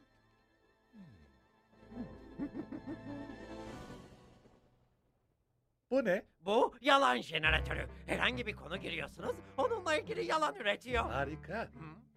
Bir konu söyleyeyim mesela. Ee, külliye meselesi. Külliye. Hafif, orta karar, kuyruklu. Ee, bilmem. Hafifle başlayalım. Güzel seçim. Külliyede altın klozet var. Ee, bu baya hafif oldu. Değil mi? Aynen. O zaman... Külliyede musluklardan süt akıyor. Yani fena değil gibi ama. Daha bomba bir şey yok mu? Hmm. O zaman sizi insafsız yalan aracıyla tanıştırayım. İşte bu. Biz de insansız bir şeyler yaptık yani. İnsafsız dedi. Tamam, bir yerden başlamak lazım sonuçta değil mi? Geçenlerde ambulans uçakla yeni doğan bir bebeği kurtardılar biliyorsunuz. Evet.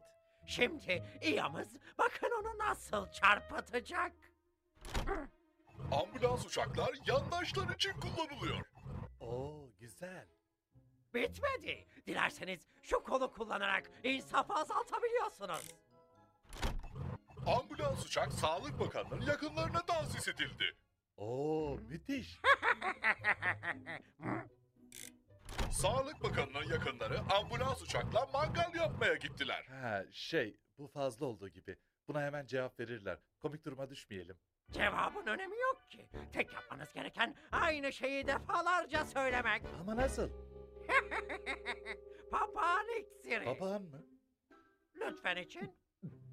Şimdi yardımcınıza bir şey söyleyin. Bir soru sorun mesela. 128 milyar dolar nerede? Bunu açıkladılar genel başkanım. 128 milyar dolar nerede?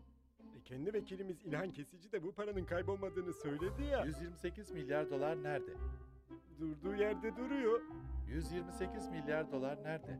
Ben daraldım yalnız. Ürettiğimiz en iyi yalanları zaten listeledik bakın. Harika. 128 milyar dolar nerede? Ne zaman 128 geçer etkisi? nerede? 128 Onu henüz bilemiyoruz. 128 milyar dolar nerede? Ha bu arada 128 şu jellerden milyar dolar sürmeyi nerede? ihmal etmeyin. 128 Dezenfektan milyar mı? dolar nerede? Hayır, yüz 128 kızarmasına milyar karşı dolar geliştirdiğimiz bir form. Evet, bunun devamı gelecek. AK Parti hesabından, Twitter hesabından bu paylaşıldı. Ee, İki siz de ilk cümleyle kez izlediniz Kenan tamamlayayım. Bey, belki yorumlarınızı alacağım. İki Buyurun. cümleyle tamamlayıp bakınız şu mantık yanlış. PKK ile mücadele edelim ama partisine dokunmayalım. E çünkü o parti mecliste, e çünkü o parti yasal. E çünkü o partinin mecliste Türkiye Büyük Millet Meclisi Başkan Vekilliği var, grubu var falan. Peki başka neyine dokunmayalım? E medyasına da dokunmayın. Televizyonları varsa aman kapatmayın. E gazeteleri varsa aman kapatmayın. Ama PKK ile de mücadele edin. E böyle olmaz. Böyle PKK ile mücadele edilmez. PKK bir örgüt. Birinin eline silah veriyor. Kelaşnikov veriyor. Diyor ki sen git şu işi yap. Birine de diyor ki sen parlamentoya gir. Parti kur. Hı hı. Orada benim sözcülüğümü yap. İkisi arasında ne fark var? İkisi arasında ne fark var? Çünkü kendilerine biçilen roller farklı sadece. Zaten herkes dağda olsa o zaman siyasal partiye gerek yok ki. Bir diğer husus, yani bu konuda ben öyle ikide birde medya işte şey yok böyle bir şey. Ee, mesela 128 dolar nerede? Değil mi? Ya Kılıçdaroğlu bu soruyu sordu. Bana göre de çok anlamlı bir soru. Bir insan bir soruyu niye sorar? Bir cevap beklediği için sorar değil mi? Evet. Peki, Merkez Bankası Başkanımız açıkladı. Cumhurbaşkanımız açıkladı. ilgili bakanımız açıkladı. Ee, bu işi en iyi bilen, geçmiş dönemde de bakanlık yapan parti genel başkan yardımcımız açıkladı. İncanikli. Nurettin Canikli açıkladı. Tamam, bütün bunlardan Bay Kemal ve avanesi e, mutmain olmamış olabilir. Tamam. Biz de o zaman deriz ki bir, bir soru soruyorsan, cevabını önemsemiyorsan niye soru soruyorsun? İki, verilen cevaptan memnun değilsen, mutmain değilsen sen 128 milyar doların nerede olduğunu açıkla. Ortada bir yolsuzluk olduğunu söylüyorsan, iddia ediyorsan bunu delillendir. Bunu kamuoyunun karşısına geç parti genel başkanı olarak hesap uzmanı olduğunu söylüyorsun Bay Kemal. Delilleriyle ortaya koy, sana inanalım. Veyahut da Cumhuriyet Başsavcılıklarına git. Bu ülkenin Merkez Bankası'ndaki 128 milyar dolar iç edildi. İşte belgeleri de suç duyurusunda bulun. Delilleriyle ortaya koy, suç duyurusunda bulun. Eğer Türkiye olarak, Türk milleti olarak sen arkasında durmazsak namerdiz. Kemal Bey ne yapıyor? Bu animas- animasyonda da görüldüğü gibi. Ne cevap verilirse verilsin 128 dolar nerede? Açıklıyorsun nerede olduğunu. Tekrar 128 dolar nerede? Peki Kemal Bey sen verdiği cevaplardan ikna olmayacaksan sen nerede olduğunu açıkla. E yok ben açıklamam. E peki derdin ne? İşte Gübels'in dediği gibi yani. Hitler'in propaganda bakanı var ya. Gübels'in dediği gibi bir yalanı çok basit, çok yalın bir dille sürekli tekrarlayın. Evet. Sosyal medyada Papağan da tedavüle papağan sokun. iksirine bayıldım yalnız. Dolayısıyla Kemal. Bey, Muharrem İnce'nin de dediği gibi gerçekten Hı hı. eee, Yalan ve iftiranın merkezi. yalan ve iftiranın siyasal üssü eee FETÖ terör örgütünün, PKK terör örgütünün argümanları üzerinden sörf yapan Hı hı. eee, ve ne yazık, ne yazık ki eee, yabancı ülkelerin siyasal emelleriyle kendi Hı hı. iç emellerini birleştiren eee, bu ülkenin milli güvenlik sorunsalına dönüşmüş Peki. bir Kılıçdaroğlu CHP'si söz konusu. Yine bir 3-4 dakika ara. Ee, yine reklam. Ee, tam da iyi giderken. Dönüşte Emin Pazarcı'ya döneceğim. Kenan Alpay'la devam edeceğim efendim. 3-4 dakikalık bir ara.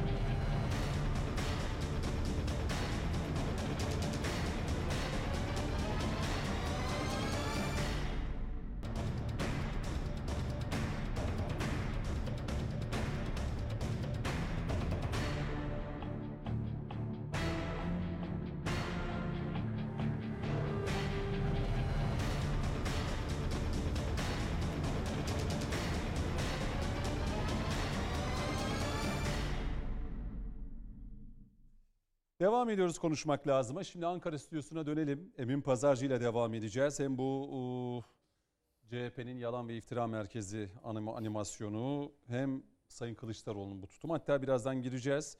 Hem de e, Sayın Ekrem İmamoğlu'nun bu uu, Fatih Sultan Mehmet Han Hazretleri'nin e, türbesinin ve yakınlarının da bulunduğu o alana girdiğinde ortaya çıkan görüntü üzerinden de yine bir tartışma var. Bir mağduriyet mi oluşturulmaya çalışılıyor? İşte buradan e, İmamoğlu yargılanır, bir mağduriyet ortaya çıkar vesaire. Bunlar dile getiriliyor ve e, işte bugün gördüm bir kez daha. Yani e, açıkçası ahlaken bir eleştiri net bir şekilde yapılabilir. Yani bir yabancı yere giderken de bir başka eve giderken de nasıl girilir, nasıl merhabalaşılır, hal ve hareketlerimiz, tavırlarımız çok çok önemlidir. Sayın İmamoğlu elleri arkada bir şekilde giriyor. Yani bilmiyorum Sayın Metiner siz de bu programa elleri arkanızda bir anda girseniz stüdyoya. Yani eleştirilir ama yargısal Evet. işlemi gerektiren bir durum Evet. değil. Yani Peki neden böyle bir- ayırmak lazım? Evet neden böyle bir durum ortaya çıktı? Bunu bir oradan da devam ettirelim. Sayın Pazarcı buyurun. Şimdi bakın yalan üzerinden e, siyaset e, konusuna önce bir girelim ya da yalan e, medyada nasıl dönüyor, siyaset bunu nasıl kullanıyor. Hı hı. Şimdi ben kendimi başıma gelenlerden bahsedeyim. 2001 yılında ben e, Mehmet Emin Kara Mehmet'in e, sahipliğinde ki Akşam Gazetesi'nden kovuldum. Hı hı. Yani altına çizerek söylüyorum kovuldum. Sebep de şuydu. e, Kemal Derviş de ciddi anlamda mücadele ediyordum. Türkcell'le bir takım problemler vardı ve e, o sırada yapılan bazı operasyonlara gazetenin içinde e, tepki göstermiştim. Hatta e, bana da gazeteden tepki gelmişti. Sen bir takım isimler yazıyorsun ama onlar bizim şirketlerimizin elemanları demişti. Sonuç e, kovulmayla e, s- ni- neticelendi. E, fakat daha sonra ben bunu Kara Kutu isminde bir kitapta e, bütün ayrıntılarıyla ortaya koydum. E, bu bir FETÖ operasyonuymuş. Bakın e, bu FETÖ operasyonu sırasında bir de e, yine e, basın kullanılarak e, bir internet sitesi kullanılarak şöyle bir haber atıldı, şöyle bir iftira ortaya atıldı. Emin Pazarcı akşamdan kovuldu çünkü yakında vurgun iddianamesinde adı geçecek Koray Aydın'la, Koray Aydın'la iş ortağı olduğu tespit edildi. Şimdi Koray Aydın'la benim hayatımda bırakın Koray Aydın'ı hiç kimseyle ticari bir işim olmamıştır. Yani ben eee, böyle bir ilişki içinde değilim. Koray Aydın'ı tanır mıyım? Tanırım. Ve kirlettiler. Kim yaptı bunu? FETÖ yaptı. Daha sonra FETÖ'yle açıktan e, mücadelelerimiz sırasında biraz önce bahsedildi işte Ekrem Dumanlı'dan e, Mehmet Metiner bahsetti. Ekrem Dumanlı ile ilgili bir takım gerçekleri yazınca Çınar e, Coşkun Serçe ile Yozgat'ta yaşanan bazı gerçekleri yazınca Ekrem Dumanlı direkt kendisi e, hedef almadı beni. O da o dönemde çıkarılan bir meydan gazetesi vardı. Meydan gazetesine talimat vererek benim hakkımda kısaca şöyle bir şey yazdırdı. 1980 darbesi oluyor. Emin Pazarcı Ankara'nın e, Dikmevi semtinde bir arabadan iniyor. Elinde suikast silahı var. E, ve e, bir e, general hedefinde. E, eli titriyor, ateş edemiyor filan gibi garip bir şey. Mümtaz Özkök eski Sakarya ANAP milletvekili de okumuştu bunu. Emin dedi kaç para verdin sen bunu yazdırmak için dedi. Yani e, böyle bir rezil bir şey. E, düşünebiliyor musunuz? Darbe dönemi 1980 darbesi olmuş. Suikastçı Emin Pazarcı elinde silahla e, bir yere saldırmaya gidiyor. İşte silah eli titriyor, ateş edemiyor. Emin Pazarcı hala hayatta. Böyle bir şey olamaz tabii ki.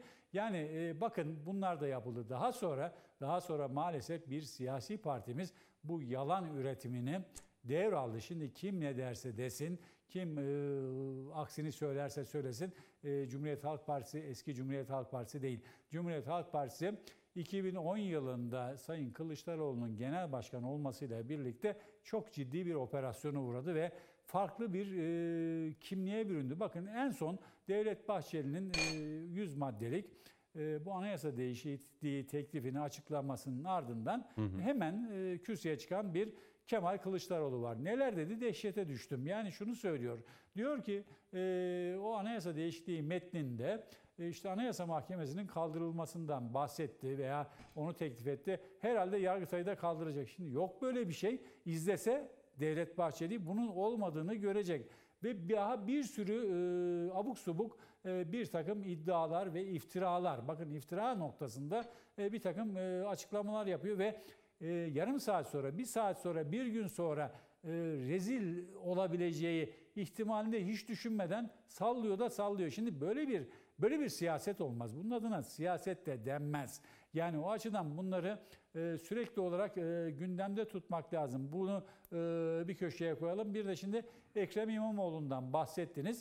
Ekrem İmamoğlu ile ilgili ben şunu söylemek istiyorum. İki yıl oldu.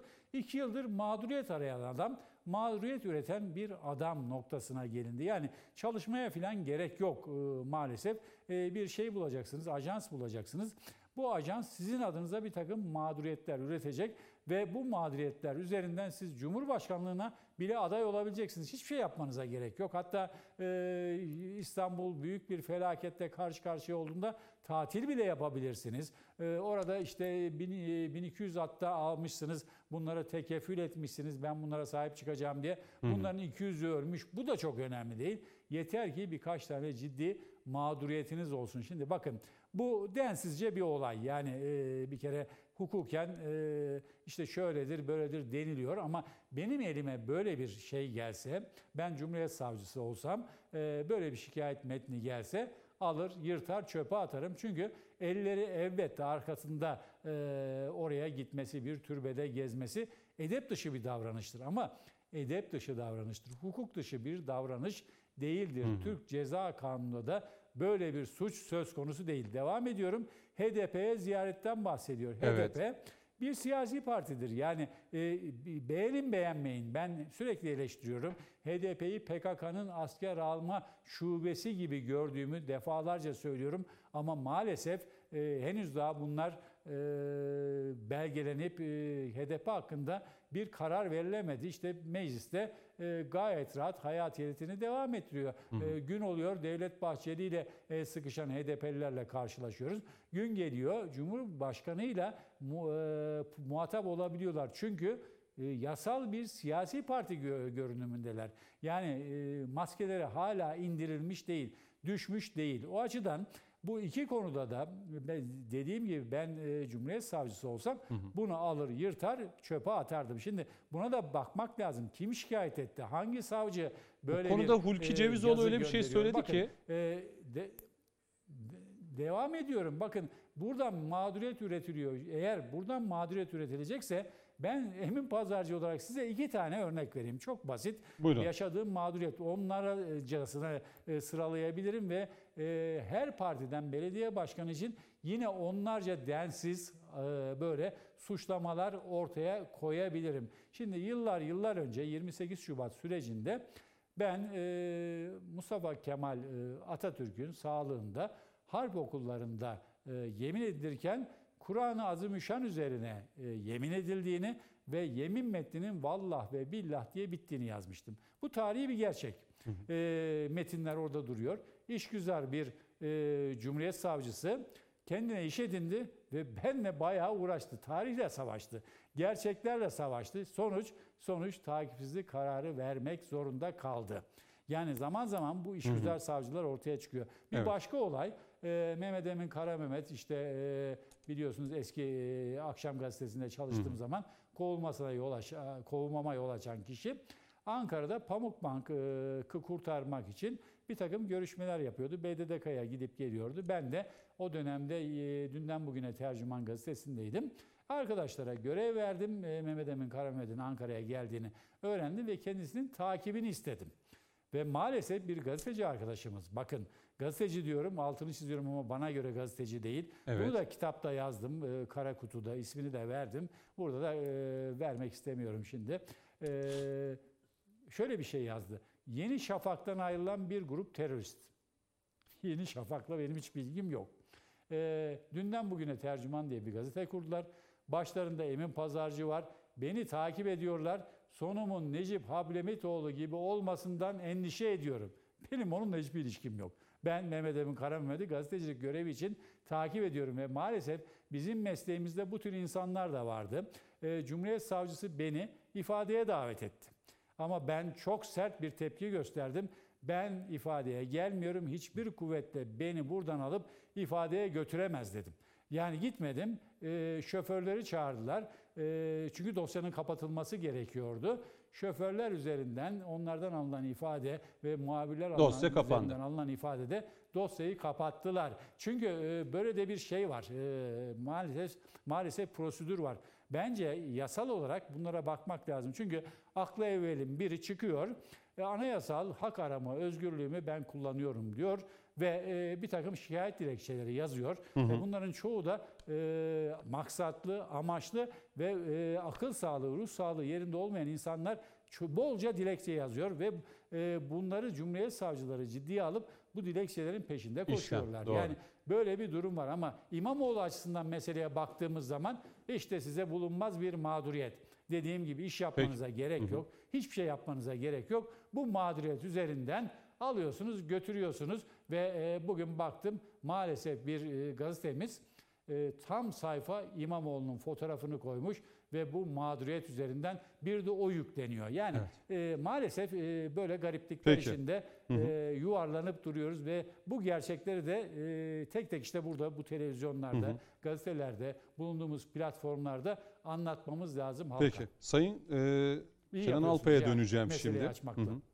Sayın Alpay'a da döneceğim. Aslında hani belki bu İmamoğlu ve bir mağduriyet oluşturma işte neden böyle bir durumda işlem yapılır ki Sayın Emin Pazarcı da söyledi. Ben böyle bir kağıt alır çöpe atarım dedi. E, bir de e, hafta sonu Sayın Kılıçdaroğlu'nun da e, bu 15 Temmuz gecesiyle alakalı bu tankların önünden hani çıkıp e, Bakırköy Belediye Başkanı'nın evine gitmesi e, çok konuşulmuştu ve şimdi öyle bir açıklama yaptı ki ya ben o tankların oradan geçtim Sayın Cumhurbaşkanı da gelip benimle beraber o tankların arasından geçseydi diye bir cümle sarf etti. Ee, ya ben açıkçası duyunca e, yok dedim herhalde yani böyle bir cümle sarf edilmemiş ama cidden bu cümleyi sarf etmiş.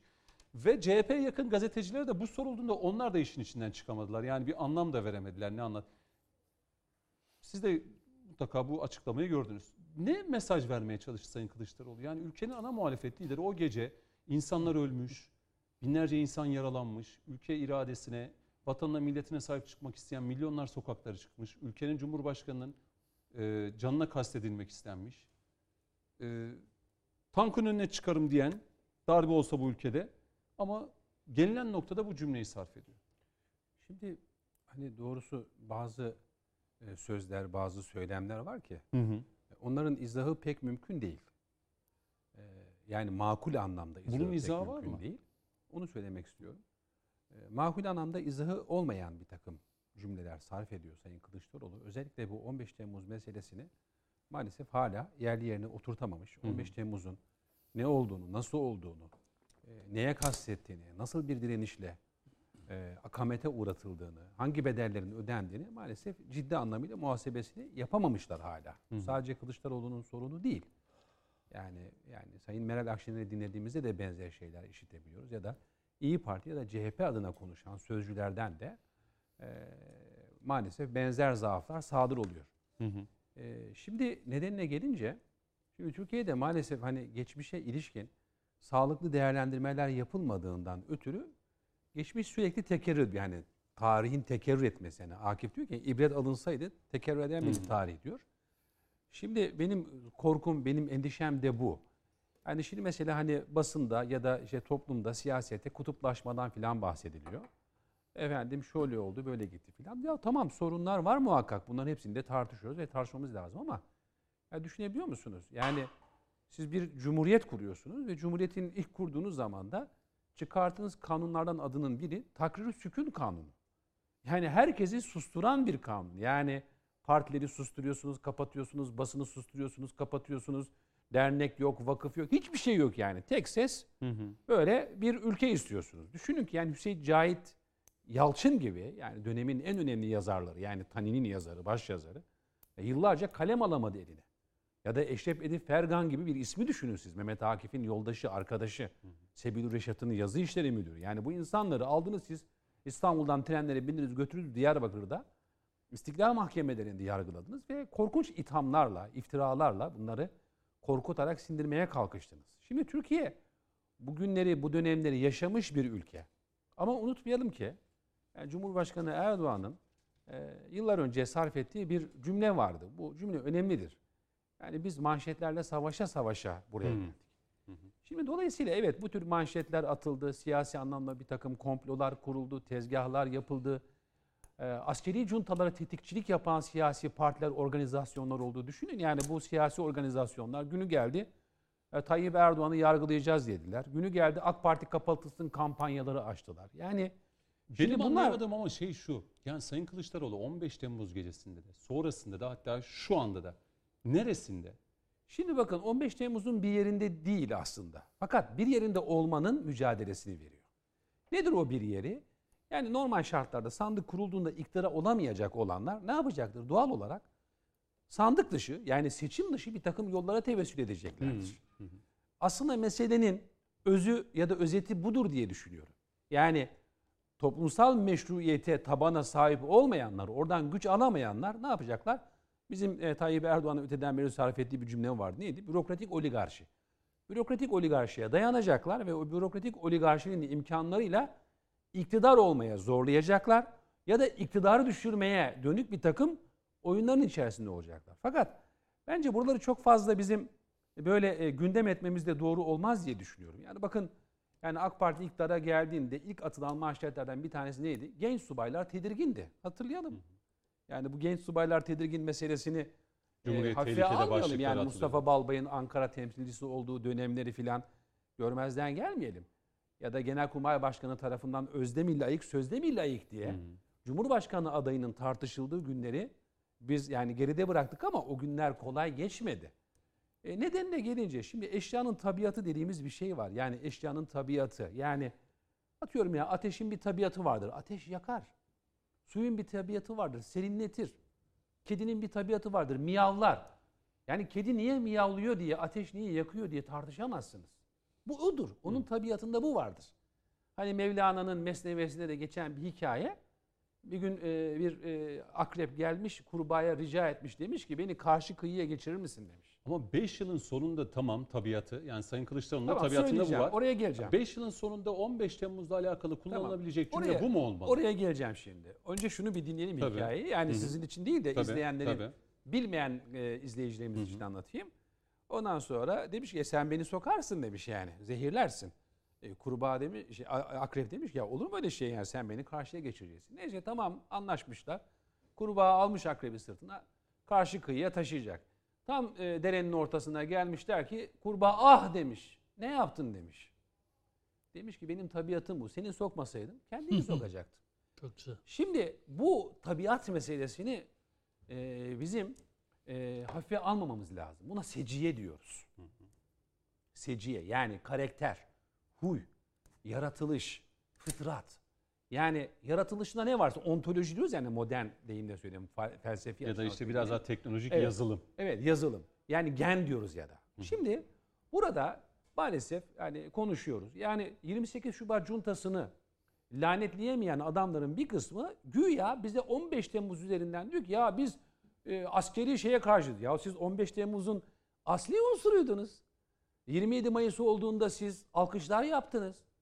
Her türlü faaliyetin içinde bulundunuz. Bayram olarak kutlandı ya. Ya bayram olarak 27 Mayıs. kutlayanlar hala onu bir efendim cumhuriyetin modifiye edilmesi olarak, karşı devrimin akamete uğratılması olarak, değil mi gericiliğe karşı indirilmiş demir yumruk olarak yorumlayan bir takım insanlar var.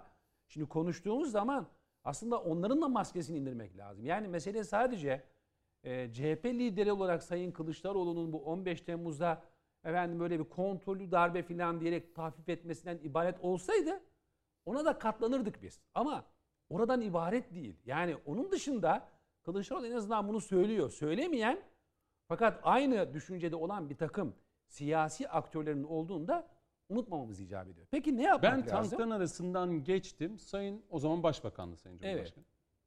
Kendisi de gelip geçseydi.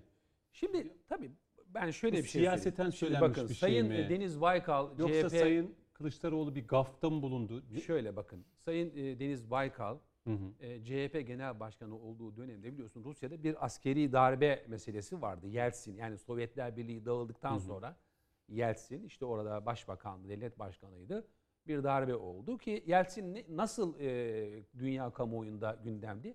Sarhoş, ayyaş, affedersiniz böyle kadınlara, kızlara, resmi toplantılara bile sarkan böyle edepsiz bir herif yani. Böyle yani.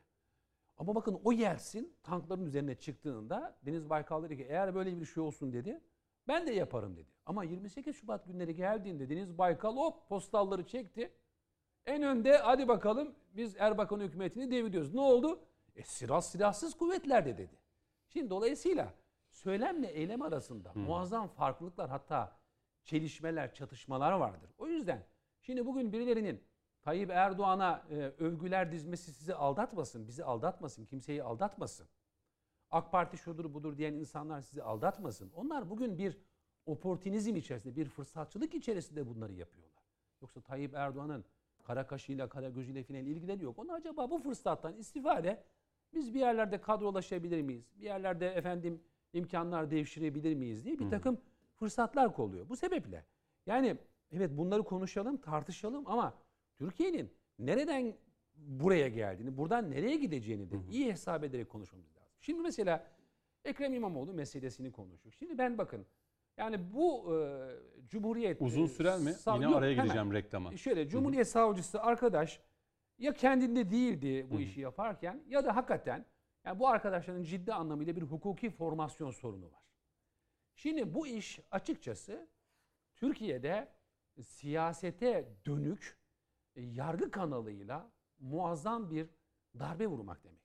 Şimdi tarihini unuttum ben gelirken bakamadım ama onun üzerine bir yazı yazdığım için 2007-2008 senesinde yanlış olmasın Ordu'nun bir ilçesinde 19 ya da 19 Mayıs'ta da 23 Nisan törenlerinde biliyorsun hep kalkmayan, koyma, çelenk, Ha, çelenk koyma, koyma, evet. hikayesi vardır. O çelenk koyma hikayelerinden birisinde güya AK Parti ilçe başkanı sakız çiğniyormuş diyerek garnizon komutanı tarafından savcıdan şikayet edildi ve o gün tutuklandı ilçe başkanı. Şimdi bakın Türkiye maalesef böyle hukuku paspas eden, hukuku ayaklar altına alan, hukuku karikatürize eden, hukuku milletin ve siyasetin aleyhine işleten çok korkunç ve utanç verici tecrübelerle doludur. O yüzden bunu yapan arkadaş kimse aslında AK Parti'ye karşı, siyasete karşı, hükümete karşı, ülkeye karşı kasten ya da gaflet halinde bir kötülük. yapıyor. Ne demek? Yani elleri arkında gitmeyeceğiz. Sana ne, bana ne, öbürüne ne? Ama bu böyle konuda- bir şey yok. Böyle bir şey Tabii yok. ama şu yok derken e ben Cumhuriyet Başsavcılığı diyor ki böyle bir şikayet var hakkında inceleme yapıyoruz. Niye inceleme yapıyorsun ki? Ama Diyor ki gerek yoktur. Hayır bakın gerek yapar. hayır.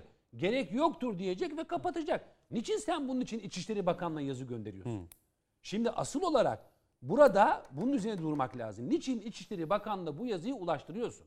Bakın şimdi bir örnek vereceğim. Şimdi 31 Mart seçimlerinden önce maalesef saygın bir iş adamı diye birisi televizyonlara çıkartıldı ve Mansur Yavaş hakkında şunu yaptı, bunu yaptı, yolsuzluk, usulsüzlük filan falan diyerek ben o günler Ankara'daydım. Denildi ki rüzgar bu adamın konuşmalarıyla birlikte Mansur Yavaş'ın lehine döndü denildi. Sonuç ne oldu? Mansur Yavaş o e, hikaye üzerinden başkanlık koltuğuna otururken bu adamın da birkaç ay sonra cezaevi yolunu tuttuğunu gördük. Çünkü zaten kendisi bu tür işlerden sabıkalı ve maalesef bu tür yalanları sık sık söyleyen bir Peki. kişiymiş. Dolayısıyla bunlara ilk çıktığı anda şiddetli bir tepki gösterilmeli. Yani daha CHP e, İmamoğlu buna tepki göstermeden hayır arkadaş biz bunu reddediyoruz dememiz gerekir. Peki. Araya gidelim. Son bölüm. Son bölümde herkese beşer dakika vereceğim. Bu Hani yasa adayı konuşmayacak mıydık? yasa adayı Evet. açık ya Kenan işte Bey'in söyledikleriyle ilgili söylemek istediklerim var. tamam. Ee, dönüşte yani bugün hiç ummadığımız bu 6'şar 7'şer 8'er MHP'nin dakikalık anayasası e, vardı. işte Cumhurbaşkanımızı yasada üzerinden ya- yarım saatten tehdit fazla eden reklama gitti bir siyasetçi vardı. Evet. Onu E işte yani Aykut Erdoğdu'yu konuşacaktık. Bu işte manevi tazminat işte AK Parti'yi yargılayacağız. TRT'de canlı yayınlayacağız. İktidar Yani olursak aslında vesaire. bu sivil anayasa meselesini de bizim konuşmamız lazım. Devlet Bahçeli'nin gündeme getirdiği 100. yılında 100 maddelik anayasa meselesini de konuşmamız Evet. lazım. Yani Önümüzdeki çok detay hafta yok daha ama rahat çok konuşalım. yok ama Çünkü en azından yarım baş- saatimiz reklama gitti. Tamam, Yine reklama gidiyor. var. Tamam. Yine reklama Peki gidiyor. hayırlısı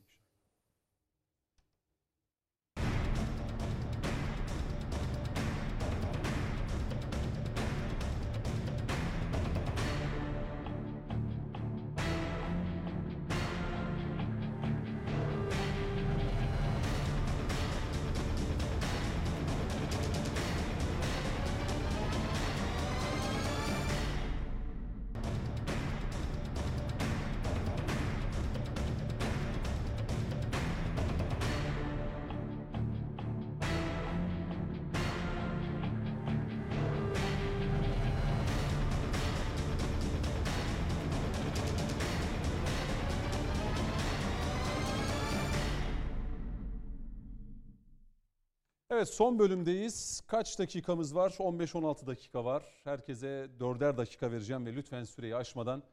Eee Mehmet Bey sizden bitirelim. Sonra süre müreyi başkalarına verdim demeyin. Çünkü sonu çağrıyla bitiriyorsunuz. Sayın Kılıçdaroğlu'na çağrıyla. ben şey diyeyim o zaman. e, şimdi İlker'in de notları vardır. E, Tamam. Biz ev sahibiyiz. Yasa ada üzerinden Cumhurbaşkanımızı tehdit eden Aykut Erdoğdu'nun özellikle İsim verme ya müptezel insanların isimlerini vermek bile onlara payedir yani. Müptezel bir siyasetçi yani. Ee, bu hadsizliktir, densizliktir. Kendi iktidarımız döneminde bile bize parmak sallama cesaretini gösteriyorlarsa bak anladıkları dilden konuşuruz. Parmaklarını da kırarız. Hukuk içinde de gereğini yaparız yani. Son Öyle- bölümde isterseniz o Öyle şeye gerek yok. de Öyle şeye gerek yok.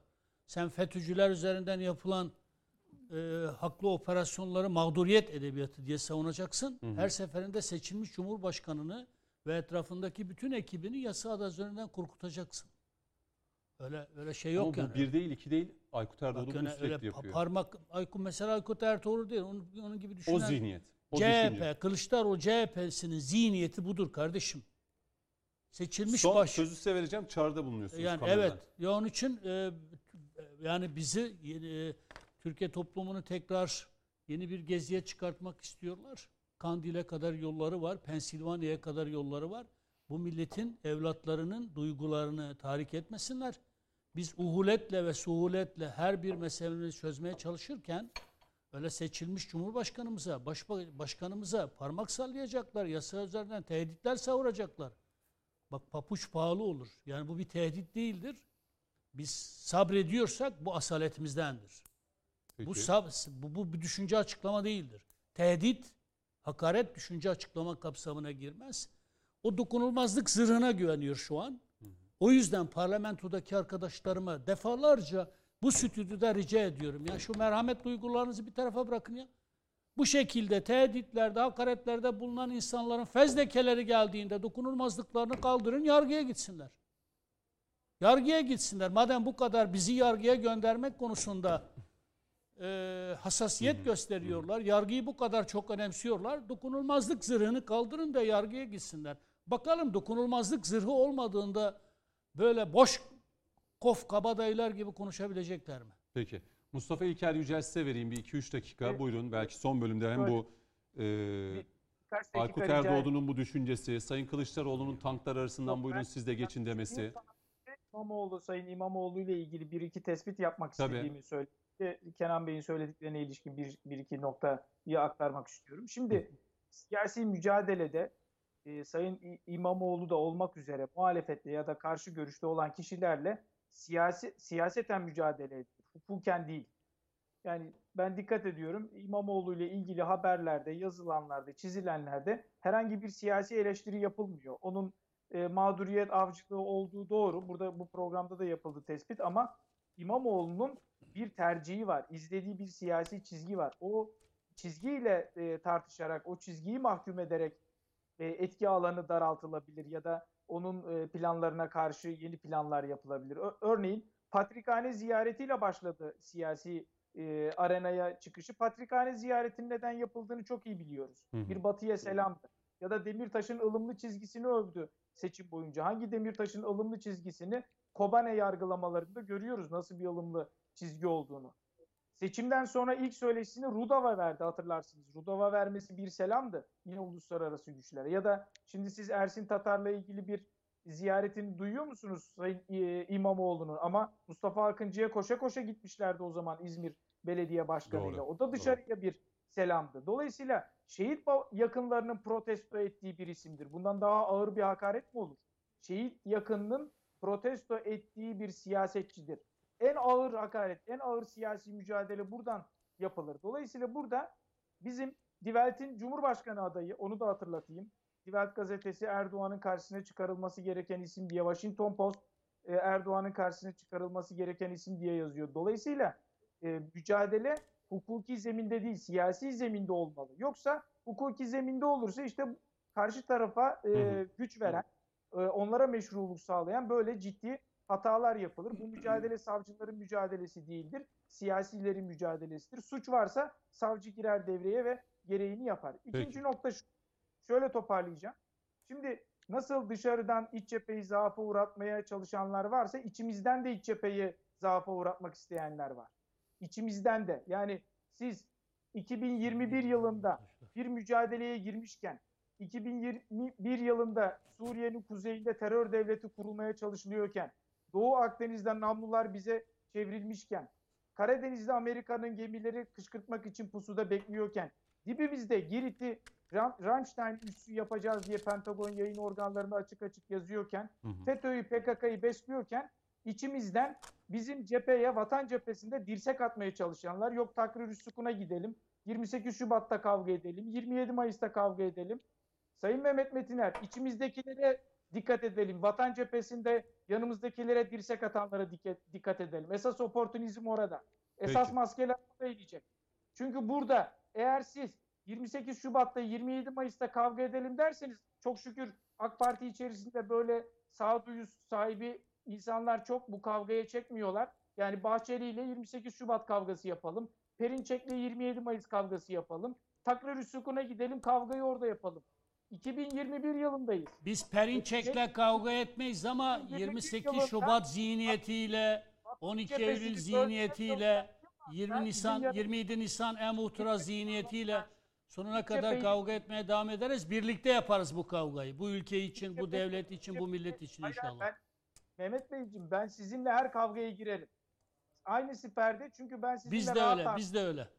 Ben vatanı sizinle omuz omuza savunurum. Yani Perinçek'le ve Vatan Partisi ile bizim bir kavgamız Evet, olmaz yani. Her konuda aynı düşünüyor olmasak bile. Sizin cephenizden her kişiyle aynı siperde kavga etmekte tereddüt ederim. Hı hı. Bize eğer böyle hakaretler yapılırsa o zaman tereddüt ederim. Omuz omuza bu mücadelede vatanı savunacağız. Aynen. Elbette farklı düşünürüz. 28 Şubat'ta da farklı düşünürüz. Kesinlikle. 27 Mayıs'ta ama 2021 yılındayız. Eğer 2021 yılında tarihe gidelim, kavgayı orada yapalım dersek 800 bin oy farkı yeriz. O zaman o, o, e, tartışmaları burada başka türlü yapmak zorunda kalırız. O yüzden Peki. Amerika Türkiye'de iktidarı değiştirmek istiyorsa vatanseverler aralarındaki ayrımları böyle programları getirip de iç cepheyi zaafa uğratmamalı. Peki. Emin Bey size döneceğim Emin Pazarcı. 2-3 dakika vereyim. Şimdi bakın Aykut Erdoğdu'dan bahsediyoruz. Maalesef Cumhuriyet Halk Partisi'nin içinde Aykut Erdoğdu zihniyetinde pek çok insan var. Yani biz edebimizden sesimizi çıkartmıyoruz ama burada Mehmet Metiner de, e, Kenan Bey de e, karşılaşmıştır. Ben de karşılaşıyorum ve belki bugüne kadar bi- binin üstünde tweet geldi, mesaj geldi. Yani işte sizi de yargılayacağız, şunu da yapacağız, bunu da yapacağız. Suçumuz ne? Suç yok ama e, işte gelecekler nasıl geleceklerse e, herhalde demokrasi dışı bir takım e, adımlarla geleceklerini düşünüyorlar. Biz de yargılayacaklar. Biz buna alışığız. Yani ama e, burada e, bence e, yargı meselesini devreye sokmak lazım. Mehmet Metiner doğru söylüyor. Burada yargının e, ve Sayın Cumhurbaşkanı bu işi yaptı. Yargının devreye girip bunların susturulması lazım. Şimdi yargı denilince biraz önceki bu e, Habertürk meselesinde konuşurken unuttuğum bir nokta var.